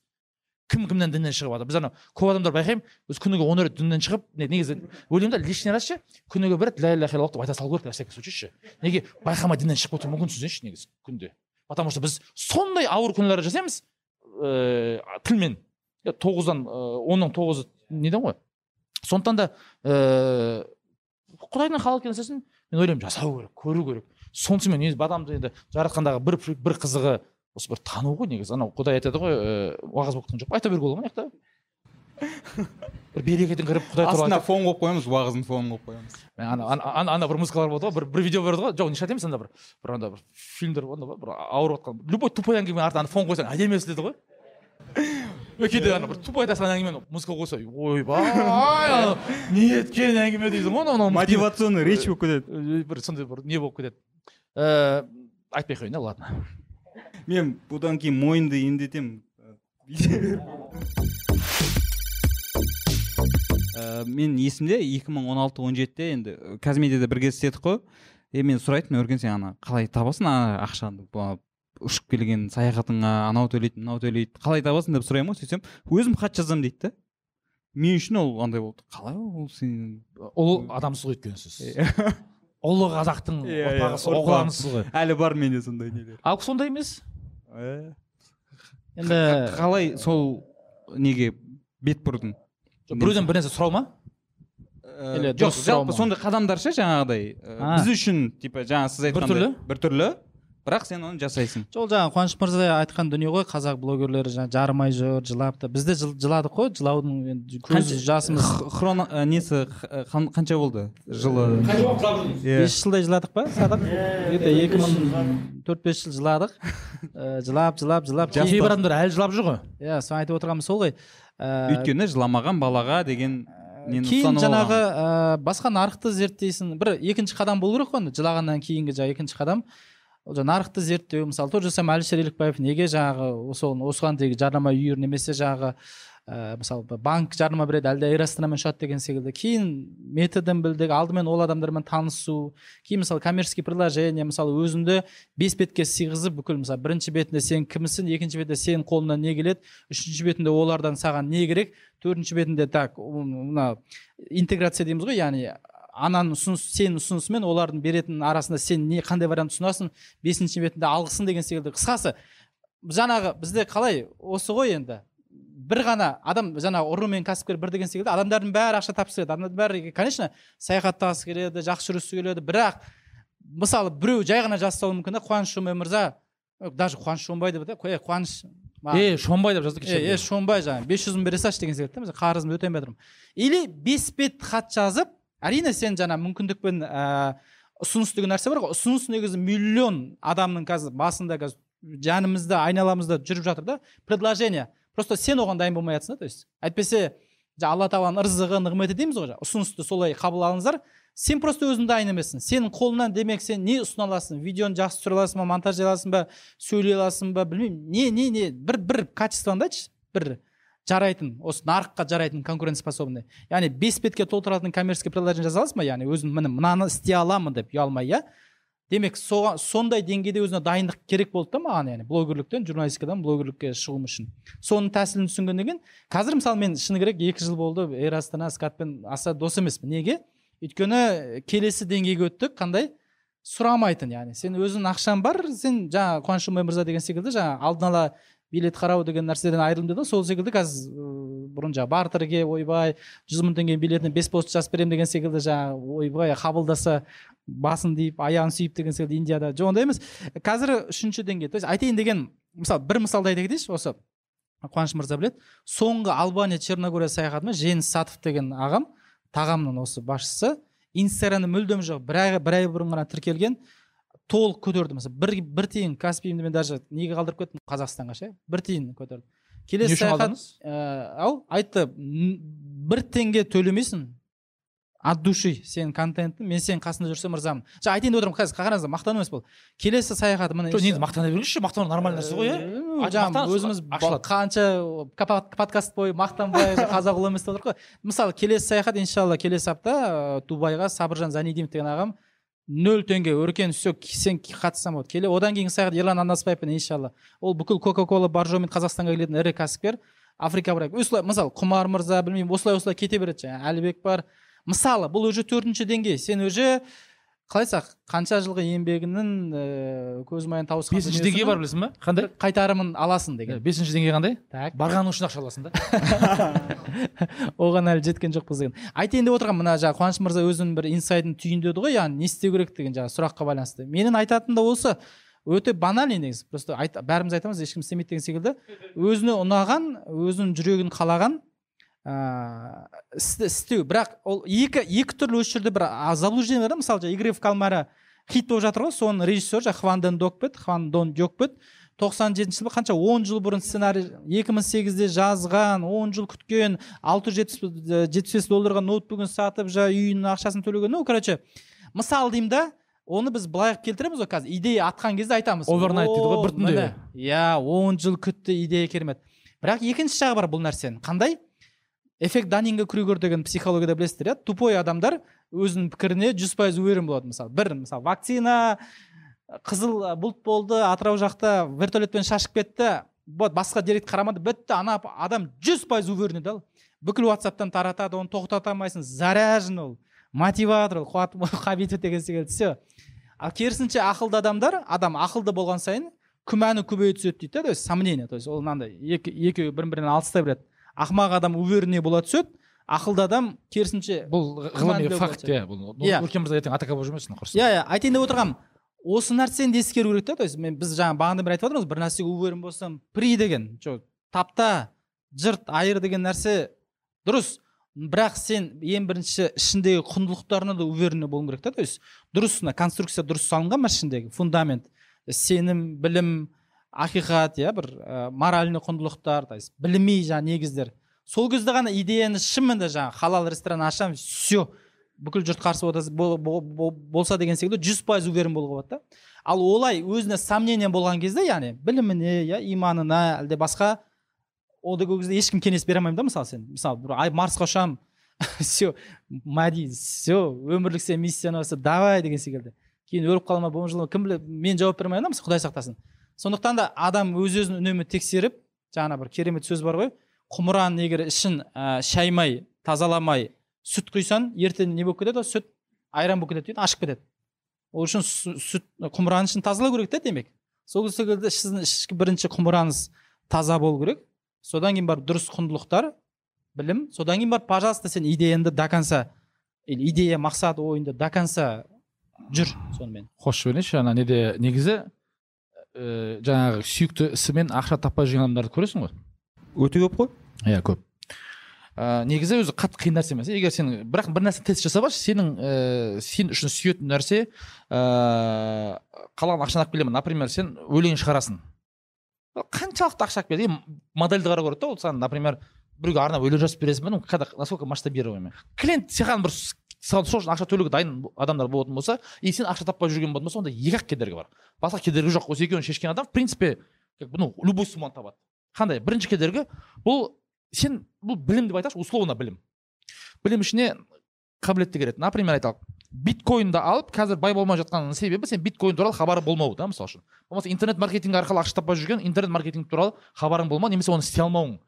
Мен сияқты ақша таппауының бір себебі просто сен сату технологиясын білмейсің. То есть түсінікті ғой? Біріншісі бұл технический часть ол нәрсені ше? Болды білмейсің сен оны. И бұл бұл бұл жерде тұрған ешқандай нәрсе жоқ. Просто бар болған соң үйрене салу керек. Егер пресс шығарғың келсе сен просто соны істе де болды. Екінші кедергі бар. Егер сен оны істей алатын болсаң скорее всего бұл көбісінде істей алады бізде. Ақша таппай жүрген болсаң онда демек сенде ішкі ііі қалай деп айтсақ болады? Сенде ішкі барьер бар да онда.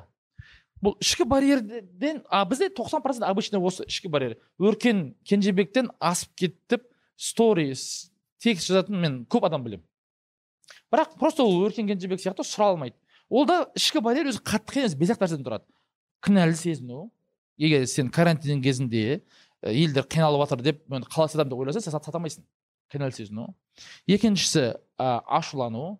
Үшіншісі ә, ренжу төртіншісі ә, бізде не болады қорқу и ұялу бұл бес сезім егер сенде дұрыс баланста жұмыс істемейтін болса онда сен хоть әлемдегі номер один адам болатын болса сен істей алмайсың неге өйткені бұл ішкі барьер сыртқы қабілетіңді сенің тоқтатады ыыы бұларды емдеу қатты қиын емес мен айтамын постоянно.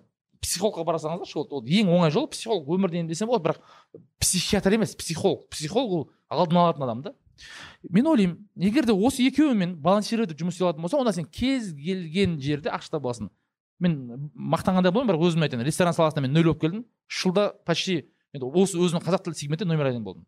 Кітап жазудан нөл өтім до того сондай мен бірінші қол қолжазбаларымды оқыған анау кісі айтқан иә сен ошағыңның қасында жүре бер мынамен даже туалетке баруға ұят деп айтқан. Біз көп болған жоқ үш жылдың ішінде қазақстандағы номер один болдық кітап жазудан. Ә, онлайн бизнесте вообще хабарым жоқ еді. Үш жылда солай істедік. Иә ана бизнес школада то есть қарап отырсам мен гений емеспін точно. Мен қазір мысалы үшін вебинар деген теманы мен вебинардан бір миллиардтан аса сауда жасадым. Вебинар. Білмейтін едім. Үйрендім бір миллиардтан аса сауда жасадық қуаныш гений ма? Жоқ. Просто осы конструкцияны білу керек та егер сен қалайтын нәрсені білетін болсаң екі ақ кедергі бар. Бір қабілетің жоқ онда пожалуйста бутылебезін барып оқы. Біз курстар не үшін істеп жатырмыз? Потому что курс қысқа мерзімде адамға қабілетті бере алады. Университет сияқты төрт жыл оқып қажеті жоқ. Все бір.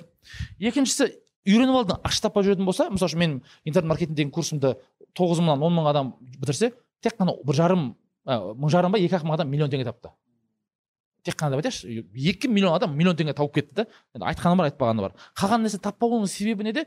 Білет мен айта алмаймын что білімдер олардың көп. Жоқ. Тура сондай білім бола тұра бірақ ішіндегі осы қорқынышы кінәлі сезінуі бар. Өйткені оның мамасының подружкасы болуы мүмкін. Ода кішкентай инстаграм магазин бар.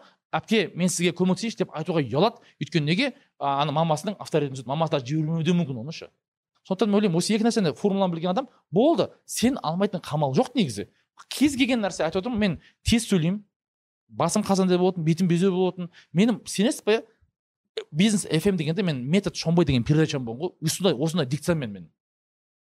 Осындай дикциямен егер мен осындай дикциямен еще ол ең көп рекламный контракт сұрайтын э, төрт авторский передача, передача болды. Менде ғана втб дан не түскен ғой білесіз ба? Реклама түскен. Менің қазақ тілінде бәрі орыс тілінде. Бизнес фм орыс тілді канал ғой негізі. Осындай дикциямен осындай сөйлеу жылдамдығымен осындай мен білмеймін бүкіл дефектімен менде радиодан жарайды сөйлеуден болатын шығар. Мен может харизматен шығармын иә айтқан кітаптан түсінемін. Бірақ енді сөйлеу жанрының патологы радио болатын болса сол жерде де істеп бізде неде болды? Отнять ә, бір несі рекламаға сенің не болды? Спрос болды. Айтайын деген нәрсем кез келген нәрсені істеуге болады. А просто шарт просто оған спрос болсын. Егер ол болмайтын болса демек сенде білімде проблема бар. Енді бұл ә, қатты көп емес ол тез шешіледі. Үш ай біздің курсқа келетін болса үш айда аласыз. Екіншісі просто ішкі барьермен жұмыс істеу керек та бірақ сол үшін бір орта керек. Сондықтан айтамын қазақстанда шынымен де ақша табуға шанс көп. Айтпай миллионер боласың деп. Айтпай миллиардер боласың деп. Ну бірақ все таки сен ертең қырық екі мың бес жүз мың теңге алған кезде мен отбасыма байқамай ақша түсіп кеткен ғой. Бәріне қайтардым бар ғой. Ұят қой құрсын. Ертең есі ет әйеліме айтып ініме айтып там маған түскен жоқ маған заявление бермеген. Анау енді.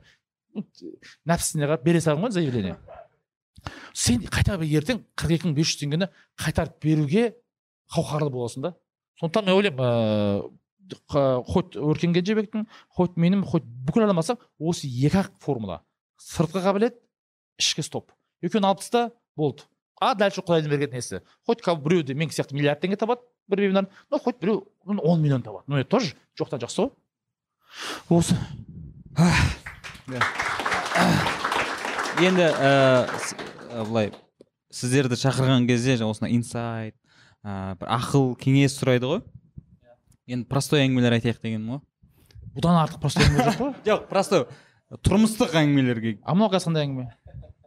Бұл адамдарға жаңағыдай мотивация беру жоқ ғой қалай мотивация? Қай мотивация ма? Өте қарапайым әңгіме да. мынау өте қарапайым әңгіме үйде әйелімізбен айтады әңгіме ай- әйеліміз емес әйелімізбен біз не сөйлесуіміз мүмкін? Бізді білмеймін офер туралы сөйлесуіміз мүмкін да. Ал мен баламен баламен айсұлтанмен сөйлесемін оны сегіз жасар. Мен бала болдым онда. Қайқа түседі жоқ мен мынандай нәрселерді сұрағым келіп отыр да. Анау айтады да кейде ше, мен негізі көп менде көп қыз болмағанда менде ше, мен алып қатты қыздармен связім болмайтын бір себебі білесіз ба? Танысамыз ғой. Енді ол дальше өрбу үшін андай бір ыыы халал емес жолда. Сен ана тақырыпты сен дозасын түсіруің керексің да білмеймін бір может темекі шегуің керексің может бір басқа бір тема түсіру керек. Ал менікі наоборот көтеріліп кетеді ғой. Бір күні қарасаң қуаныш аға дейді ғой анау и болды сенде шанс жоқ та сол үшін солай болды да біздікі сондықтан да э, ары қарай анау қуаныш аға маған қыздар жігіттер қарамайды деген әңгіме болады ғой бір кезде ше е отырсың ғой деп айта алмайсың да бір сондықтан біздің неміз осы деңгейіміз осы еді басқа жоқ. Иә бұл жақсы жағы бар бірақ енді жаман жағы анау енді құрсын менен әлдеқайда білімі төмен түрі онша емес адамдар нәтижелерімен бөлісіп жатқан кезде сенде неде уже приходится придумывать да. Ә, біз жаңа айттым ғой түнгі студияға елбасы келген кезде мен сол жерде істедім. Мен креативный продюсер болғанмын сол кезде біз мынандай сұрақ қойғымыз келді ол кісіге. Нұрсұлтан әбішұлы түнгі сағат үште қашан деген ба? оянып кетіп қарныңыз ашып оянып кетіп холодильникті ашып мә жейтін не бар еді? Деп бір рожки ма соны сковородкаға жылытып или микроволновкаға жылытып сондай жейтін кез бола ма? Хотя бы бір сәт бола ма деп сұрағымыз келген бірақ бізге оны қойдырмады. Сен примерно сіздер жаңағы интеллект ә, уровеньдеріңіз сол жақта ғой енді тоже? Состояние деген ғой енді сондай бола ма допустим аха. Иә мысалы үшін жаңағыдай қарын ашып бірақ не жейтін не бар деп. Қазіргі сәтте бұрын енді. Ол жейтін не бар деген ә, таңдаудың алдындағы ма или жоқтықтан ба? Қайсысы? Жоқтықтан. Жоқ бір. Рожки доширак. Жоқ менде арнайы екі қаншалықты простой екендіктеріңізді былай пощупать етіп жоқ, өлшейтін болса ма? Жоқ простойлық емес ол просто жоспарламай жоспарлай алмауың ғой сенің. Ә, оған ә, не болмай ма дегенім ғой. Ә, жоқтықтан да емес мысалы үшін. М, бітіп қалады кейде. Ол бар сосын ә, жиіркенбеу да ондай нәрседен мысалы үшін жаңағыдай. конечно. Жоқ біз өткен болса ана кедейдің тамағын жеу деген секілді мағынада айтып тұрса бір ашық айта алмай айтсаңызшы джанк фуд дейміз ғой жаңағы енді енді роллтон жеу былай иә роллтон мысалы роллтон жеймін жақсы көремін жақсы көресіз Иә. иә үйде арнайы роллтондар бар тығып қойған әйелімнен тығып қойған потому что ол рұқсат бермейді оны рұқсат во первых қарап қалған күнім жоқ все таки допустим да ну өзім жейтін роллтондар болады иә бірақ қытайский кішкене роллтон А, андай- ащылау сәл. ащылау иә өркен проблема жоқ өркен сізде не проблема бар мен айына бір рет өзіме кола ішуге рұқсат беремін о. Пепси. А не чипсы жеуге рұқсат беремін айына бір рет егер қарапайымдылық деген осы болса. Әлде былай қалай айтсақ шекараны бұзу дейміз ба не Жоқ, енді болады? жындылық ә, дейміз ба? жаңағыдай ғой бір қатты идеал болып көрінесіздер. көрінесіздер. Аха. Соның обратный сторонасы бар ма деп жатқаным өзімнен бір мін таппай жатырмын да қазір одан шын айтамын деген. Раунд жоқ раунд жоқ менде үйде осылай галстукпен деген сияқты. жоқ ыыы так ойлаңдаршы мықты сұрақ екен так дальше қандай мысал үшін допустим туалетке барады? Бір күні осында не деп отыр? Унитаз унитаз золотой емес алтыннан қара жалатылған. қара алда мынандай сұрақ болса унитазға қалай отырасың деген былай отырасың ба әлде былай отырасың ба бір ақпарат агенттігі бар осы қазақстанда ә, журналист айына жүз жүз алпыс мың теңге алады. Қазір енді көтерілген кез бұрын жүз жиырма мың теңге алатын. Күніге норматив жиырма материал жазу керек. То есть сен жан жақты қарап отырасың да мексикада вулкан жарылды бір бәле деген даласында ә, колумбияда президент ауысты деген барлығын күніге анализ жасап жиырма материал беруің керек. Жиырма материал бермесең бітті сен айлығың қысқарып тастайды онсыз да жүз жиырма мың теңге айлық па там жүз елу мың теңге қысқарып тастайды жоқ атын айтпай ақ қояйын енді не важно бәрі ақпарат агенттігі ойлап қараңызшы әр журналист сонда күніне жиырма материал бір аптада жүз материал. Енді бес күн жұмыс істесе бір ә, айда сонда төрт жүз материал сен жазып алатының жүз елу мың теңге. А тут ал сен мысалы қазір ә, мен- бір пылесосты бір стористан- мысалы бір стористан сен мысалы екі жүз мың теңге мысалы менің қазіргі прайсым иә там әлішердікі бес жүз мың. Қараңыздаршы өзі. Өзі жаңағы закон парето дейміз ғой. Сен төрт жүз жаман деген сөз емес. Мәселе эффективностьта ғой төрт жүз пост жаңағы постты материал пост емес ғой материал жазып жүз елу мың теңге ал- алу қалай? Ойлап қараңыздар оның мүлдем бос уақыты жоқ. Ол ә, түркияға бармайды ол енді точно мамасын қажылыққа апармайды деген секілді енді ойлап қараңыздар перспективасын иә оның даму перспективасын. Олай жүре бер олай ол жаман деген сөз емес олай жүре беруге де болады.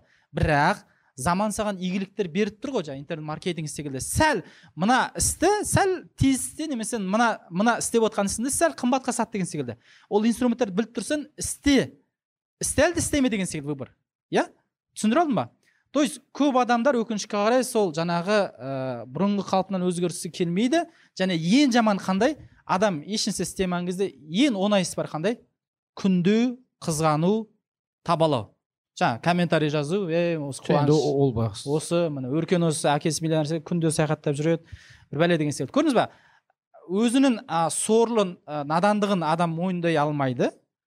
Мойындамағаннан кейін одан да төмен деңгейге түседі жаңағы табалау мен ол елге айтпай қойшы өзімде болады. Бұл ол- бұл сезім бәрінде болады. Иә. Өркен өркен мырза бар мен білемін бір екі сондай ауруын емдейміз құдай қаласа. Менде де болды. Мысалы айтайыншы адам бір нәрсе мысалы үшін бір қызды жақсы көреді да. Бір қызды жақсы көреді. И бұл қызды осындай бола ма тақырып деңгей? Мысал. Бір қызды жақсы көреді. Ол қызды жақсы көргенде қол жеткізудің екі жолы бар. Біріншісі ол қызға мен бірге жүреді үйленеді.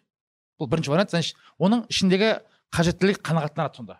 Әйелі болды ары дальше бақытты өмір сүреді. Екінші нәрсе вариант бар егер қол жетпей қалса жетпей қалса бірінші жетті жетпей қалса ол қыздың деңгейін түсіру. Мәссаған ол қыз орыс екен орысша екен сәлем салмайды екен білмеймін. Там бұзылған екен мынамен жүріп тастаған екен анда суреті бар екен анда өсек болып жатыр. То есть ол қыздың деңгейін сен түсіресің.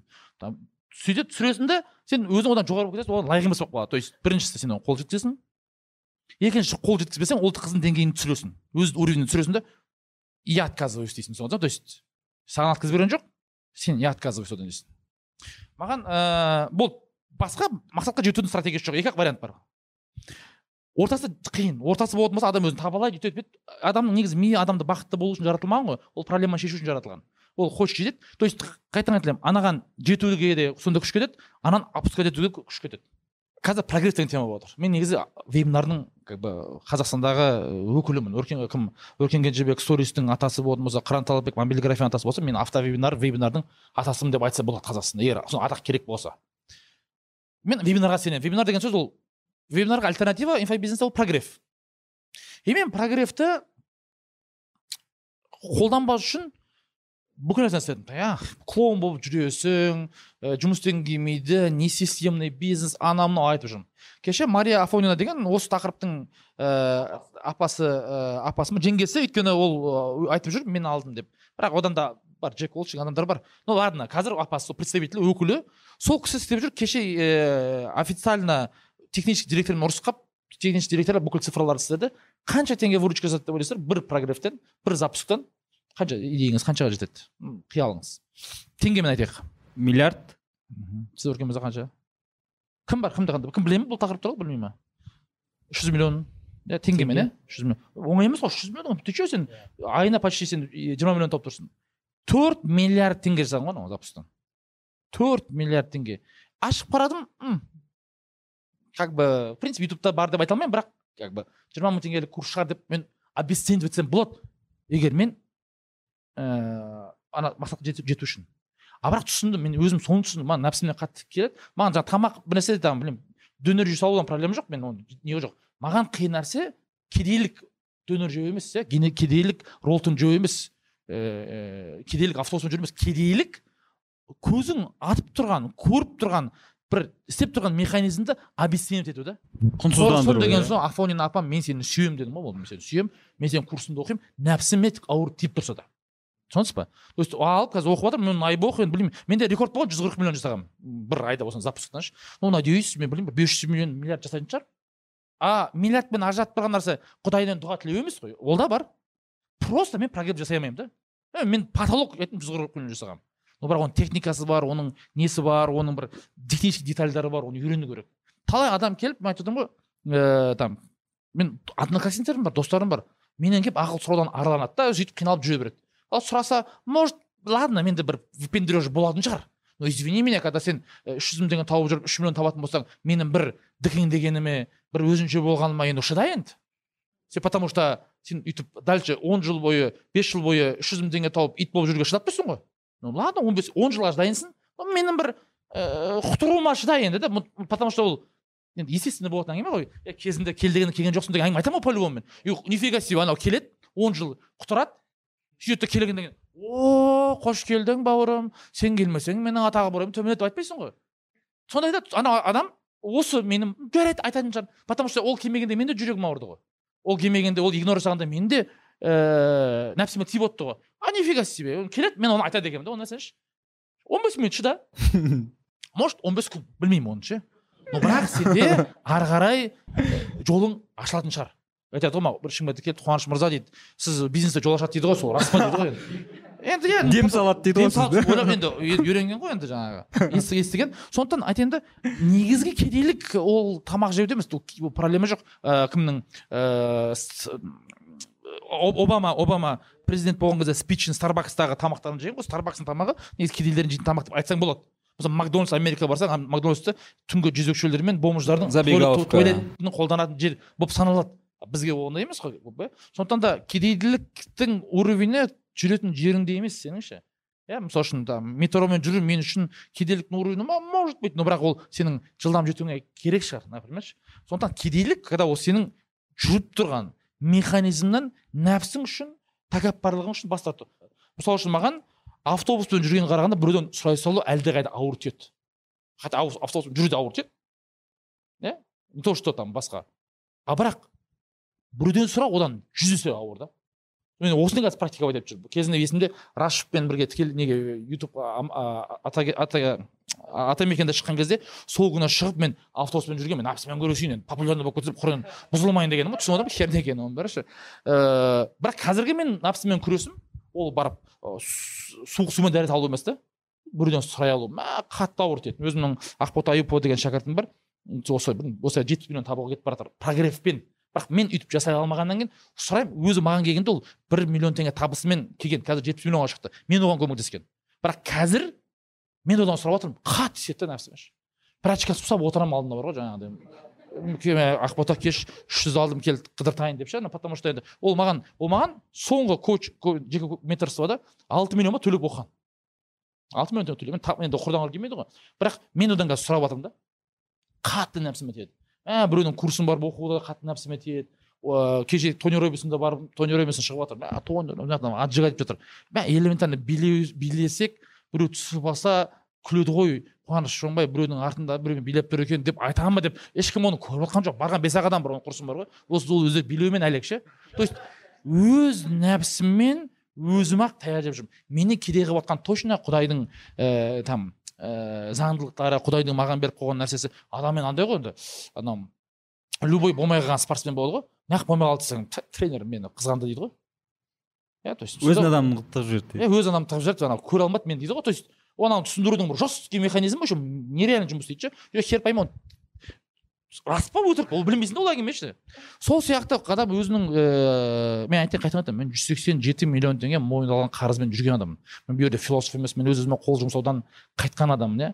Бетім жаңағы безеу безеу болып қыздардың қарамаған периодын өткен адаммын то есть мен ешқандай менің артықшылығым жоқ бұл жерде мен түсінемін ол адам мен көп адамдар айтады мен мысалы үшін мен қазақ туралы сынай беремін маған ешкім ренжімейді бір күні біз анау ә, казачев деп ма біреу шықты ғой анау қазақтар оңтүстікте типа жануарлармен бірге не қыла беретін еді деген бір новость шықты ғой бір орысша жазып қырылдық қой сол кезде.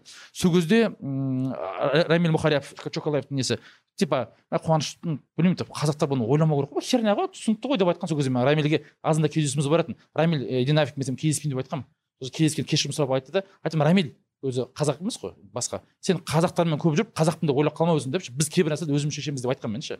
Потому что маған ол жарасады қазақты сынау өйткені мен қазақпын. Ешкім маған ренжімейді. Орыс ұнаса соғысып өлеміз анау америкада негр деп айтуға тек қана негрлер э, негр деп қара нәсілдер айта алады бір біріне ше. Сол сияқты мен кедейліктен шыққаннан кейін мен де енді бывший кедей ретінде экс кедей ретінде. Бірақ мен кедей болдым ғой. Мысалы үшін мен анау қазақ болғаным үшін мен қазақтарды сынай алу құқығым болатын болса и ол мен даже міндетім болатын болса кейбір жерлерде.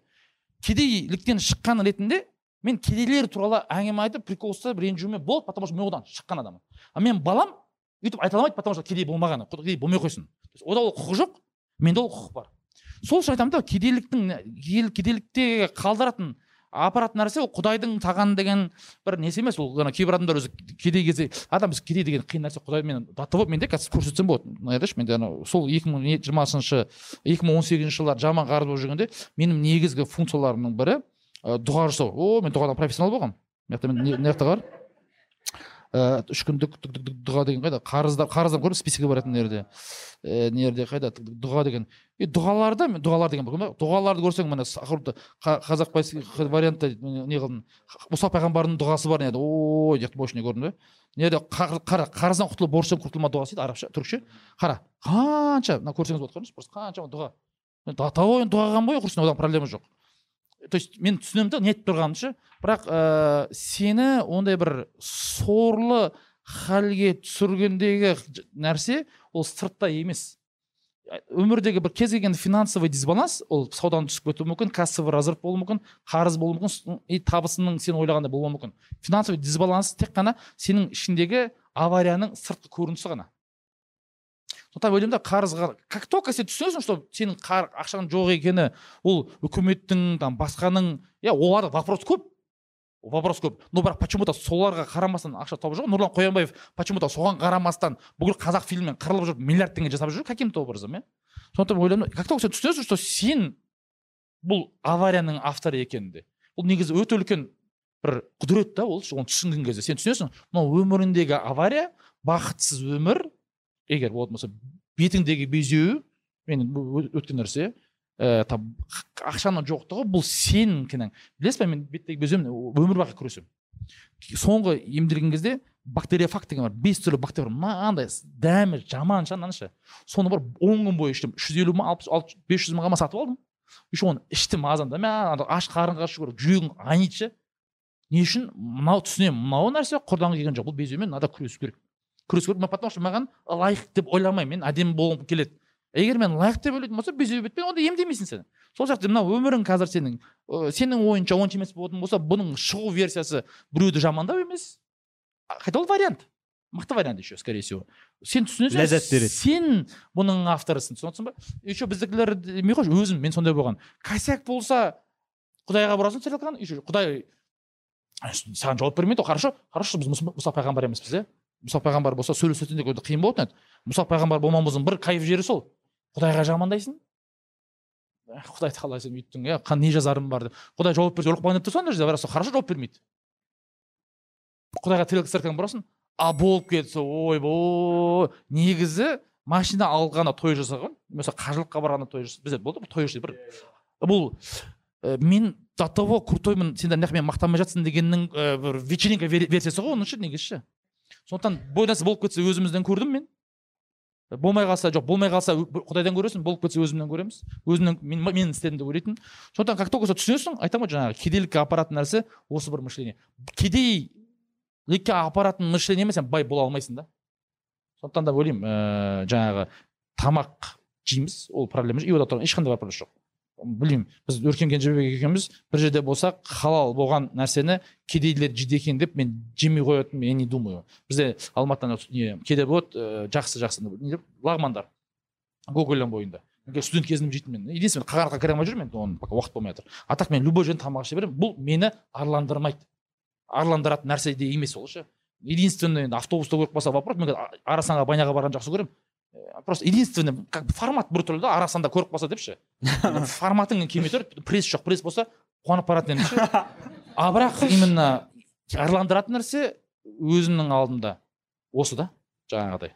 Кедейлікке апаратын нәрсе осы сияқты. Арасанда пресспен көретін күнге мәссаған мен бар ғой арманда айттым арасан мені фотосессия шақырса деймін ғой прессім мықты болғаннан кейін ше. Шақырсын. Өзіңнің араласқың келген адамға дұрыс подход жасай білу туралы сұрақ қою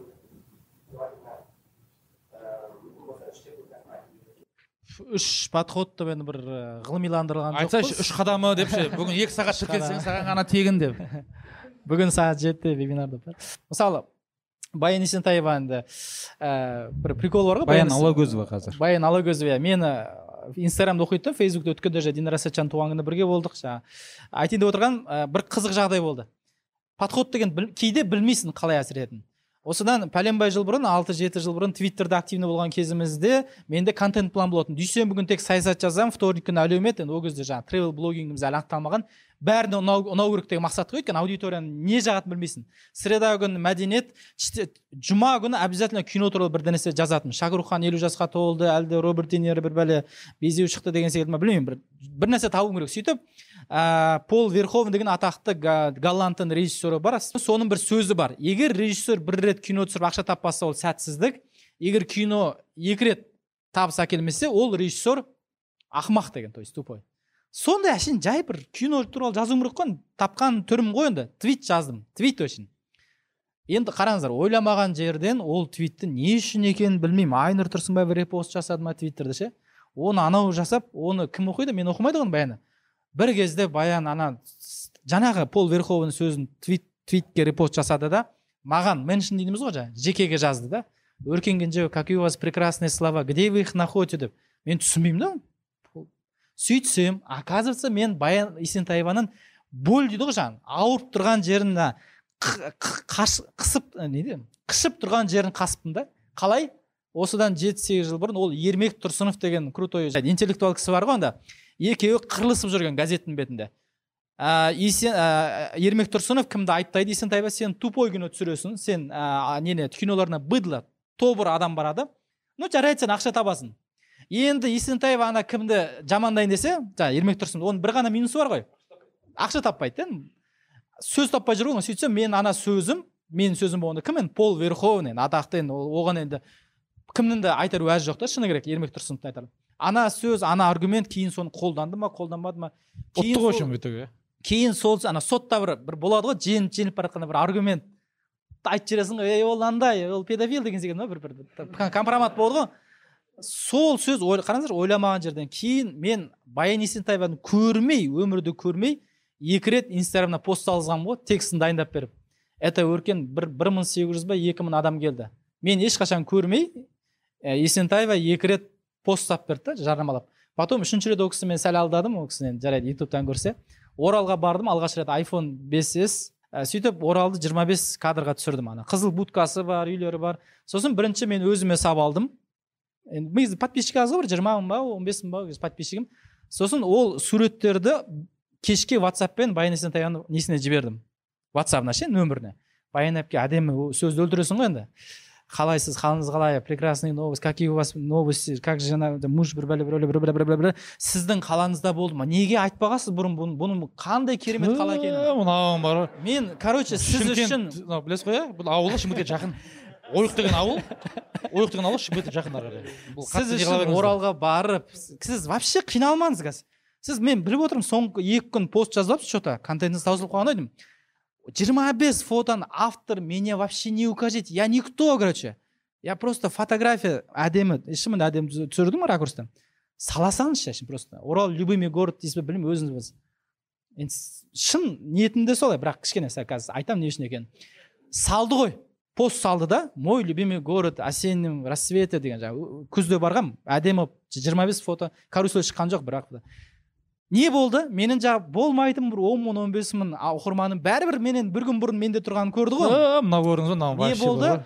адамдар астына жазды как раз ажыра- ажырасып қосылып жатқан кезде сен оңбаған дейді да.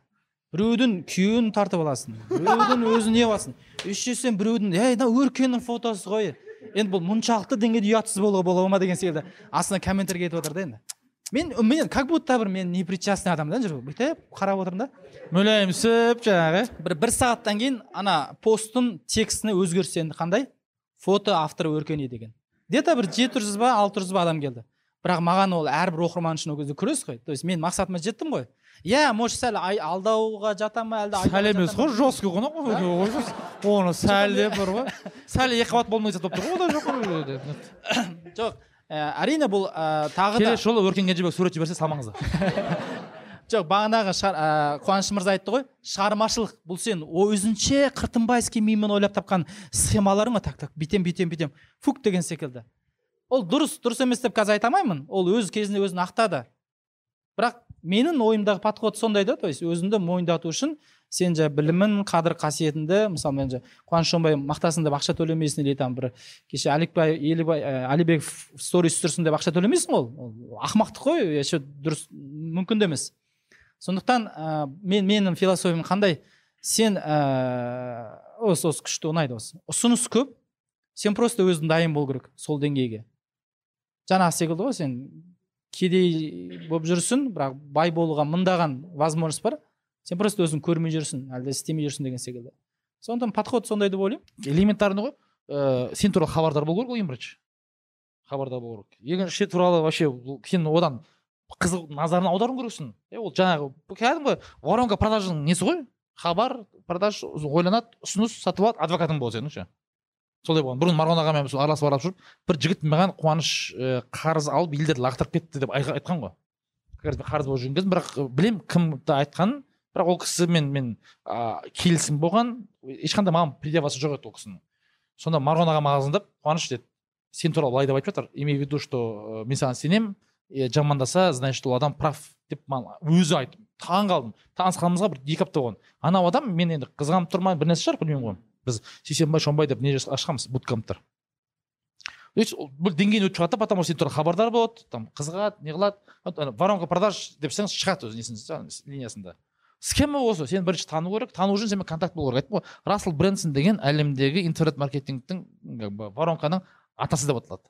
Мен онымен қатты араласқым келеді. Действительно онымен кәдімгідей мен енді марғұлан аға сияқты там артем сияқты мен онымен связьда болғым келеді. Тони робинсонмен өйтіп істегім келмейді рассел брэнсонмен істегім келеді. Рассел брэнсонмен контакт болу үшін мен айттым пока мен үйрендім ғой жетпіс мың доллар жараттым. Потолок менде онымен екеуміздің совместный суретіміз бар болды. Екі рет бір рет аэропортта көргенмін бір рет былай потолок осы қазір мексикаға кетіп бара жатыр бір екі жүз адам үш жүз адам жинап ше. Сонымен нәтиже көрсетеді. Мен мексикаға барып сонымен бірге бір бы бір жарты сағат бір сөйлес жарты сағат көп танымайтын адаммен бір жарты сағат сөйлесейінші дейді ғой. Қалай ол? Көп уақыт. Бір бы бір екі минут үш минут не қылсам ол сөйтіп жай жай жай жай жиналады да несі и мен ойлаймын бір үш жылдан кейін құдай қаласа бір енді бауырымыз болып кететін шығар деген үмітім бар енді меніңше болмай қалуы да мүмкін негізі ше. Почему? Потому что мен ол действительно ол кісімен араласқым келеді. И мен бұл ниетім түрікше айтқанда халист та таза. Одан ештеңе алатыным жоқ ештеңем жоқ білімін алып жатырмын маған қатты көмектесті білім. Мен бір какой то қарыздармын бұл жағынан да ше. Сондықтан да ыыы бұл схема бір. Бірақ бірден болмайды. Адам не үшін қапа болады неге адамның көңілі қалады бірден болып кетеді деп ойлайды да. Өзінің тоғыз ай он күнде бұл дүниеге келгенінен хабары жоқ. Е сенімен бір он бес минутта сенің братаның братчигің болып кеткісі келеді да ол уақыт алады. Біз өркен мырза екеуміздің қарым қатынасымызда бір тараздық болғанымыз бір әйтеуір жақындатқан шығар. Еще не факт та олай бірақ біраз уақыт алды да ол. Қазір келіп менің үйіме қонып болмаса бұл кісіні барсам мен там күтіп алып не қылатын шығар. Бірақ ол ол үшін де уақыт керек болды. Екі үш жыл сырттай таныс болған шығар. Бұл кісі сияқты действительно подход жасаудан жақсы нәрсе біледі. Бірақ мен ойлаймын ә, бұл да тәкаппарлықтан келеді ғой. Не үшін? Зафак существование мені жақсы көрмейді деп. Марғұлан ағаны мен э, қатты жақсы көремін. Бүкіл несіне жаңағы он мың доллар төлеп несіне барамын? Жаңағы төлемесем де жарасады. Бір емес екі рет бардым. Екі баген аудардым барып ше бір рет іс шарасы болды үш миллион теңгеге спонсор болдым. Марғұлан ағаның қазір соңғы форбс бойынша жүз жиырма тоғыз миллион доллар бар ғой. Енді ол үш миллион доллар үш миллион теңге қарап қалған жоқ. Бірақ менің енді бір шынымен поддержкам сол.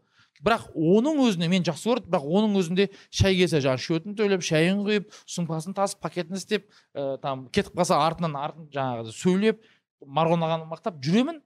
Біріншіден қалағаным үшін. Екіншіден ол іні болудың бір талап ететін нәрсе да әйелдер қашан проблема болады? Мысалы үшін енесі мен келіні қашан ұрыса бастады келіні дұрыс емес өзінің функциясын атқарса немесе енесі өзінің асып Полномочиясын полномочия асса. Иә рольдер дұрыс істемеген кезде. Кейбір адамдар өзін анау врачка болып жүруге келеді да бірақ сенімен тең ойнағысы келген кезде ғана бір сондай дисбаланс болады ғой. А так врач болып жүре берсе проблема жоқ еді. Мысалы өркен мырза екеуміздің арамызда қарым қатынас бар. Ол как только бұл менің рөлім өзгереді ол қабылдаса кетті қабылдамаса правасы бар да оның ше сол мысалы әлішер де мысалы үшін менімен бірге наравне істегенге әлі қиналады например. Хотя әлішерді мен көп жерден озып кеттім. И подписчик жағынан табыс жағынан кезінде әлішер елікбаев маған жауап берген кезде мен қуанып дарханның бетін сүйгенмін құшақтап ше елікбаев жауап берді маған деп ше а бірақ қазір өзіне мен әлішерді айттым көп жерден озып кеттім. Бірақ сонда да әлішер мені өзінен бәшкасы ретінде көреді и мен ол статуста болғаныма қуанамын. И как орысша субтитрмен бересіз ғой Иә, қашан мен ә, айттым ба әлішерге? мен көп пайдам тиді әлішерге. Курс жасауына анау мынау жасауына. Бірақ әлішер екеуміздің қарым қатынасымыздағы ереже осы оған ол дайын емес. Может быть менің балам оның қызын алып құда болармыз ол бөлек әңгіме да. Бірақ қазіргі біздің жағдайда әлішерге ыыы айтып отырмын ғой негізі контакт контакт құруға керегі жоқ оны любой жынды контакт құрады иә. Кейбір адамдарға жиырма бес мың теңге берсең контакт құрасың да проблема жоқ. Бірақ контактты ұстап қалуда ғой өнер осы жерде туындайды ғой. Бір рет адам келіп мысалы үшін путиннің алдына тыржалаңаш шығып жатқан қыздар бар ғой. Деп шығып ол контакт құрды ма? Құрды. Назар аударды ма? Аударды иә. Бірақ ол контактты ұстап қалуда ғой. Сондықтан мен ойлаймын таныс болуда проблема жоқ. Оны любой адам танысады ол шанс бәрінде бар. Бірақ сол шансты ұстап қалуда бір өнер. Баяғыда ыыы бізге танысу қиын болса қазір ұстап қалу қиын. Сондықтан бұл форматты ұстап формат брачка болсаң брачка болып қалу кейде аға болса аға болып қалу бірақ осы бір не рольдерді бір гармонично ауыстыра алу керек та сондықтан ыыы бұл жерде енді как бы нетворкинг деген ютубқа кірсең гуглға кірсең негізі бүкіл нәрсе бар. Просто істемеудегі проблема іштегі тәкаппарлық болып келеді қайтадан все все. Қазір нұрс бізде уақыт қалай? Болды төрт сағат иә иә. Сол. Неутомимый болып кетті еді утомим үш сағат өшіп жібере салыңызшы сразу монтажсыз. Ттп монтажсыз кетеді кстати. Менде почти монтажсыз кетеді. Почти. Иә Сіздер- өтпей қалған приколдарыңыз кеспейсіз болды? Сіздер жаққа қарай ұмтылып бара жатырмын ғой да дұрыс сөз. Ә, ендеше онда сұрақ жоқ шығар иә? Айтылатын нәрсенің бәрі айтылды ғой. Ә, көп көп рахмет сіздерге де көп көп рахмет. Ә, келгендеріңізге менің каналыма жазылыңдар. Лайк коммент өзі дәстүр бар. Сондықтан ә, келесі аптада кездескенше.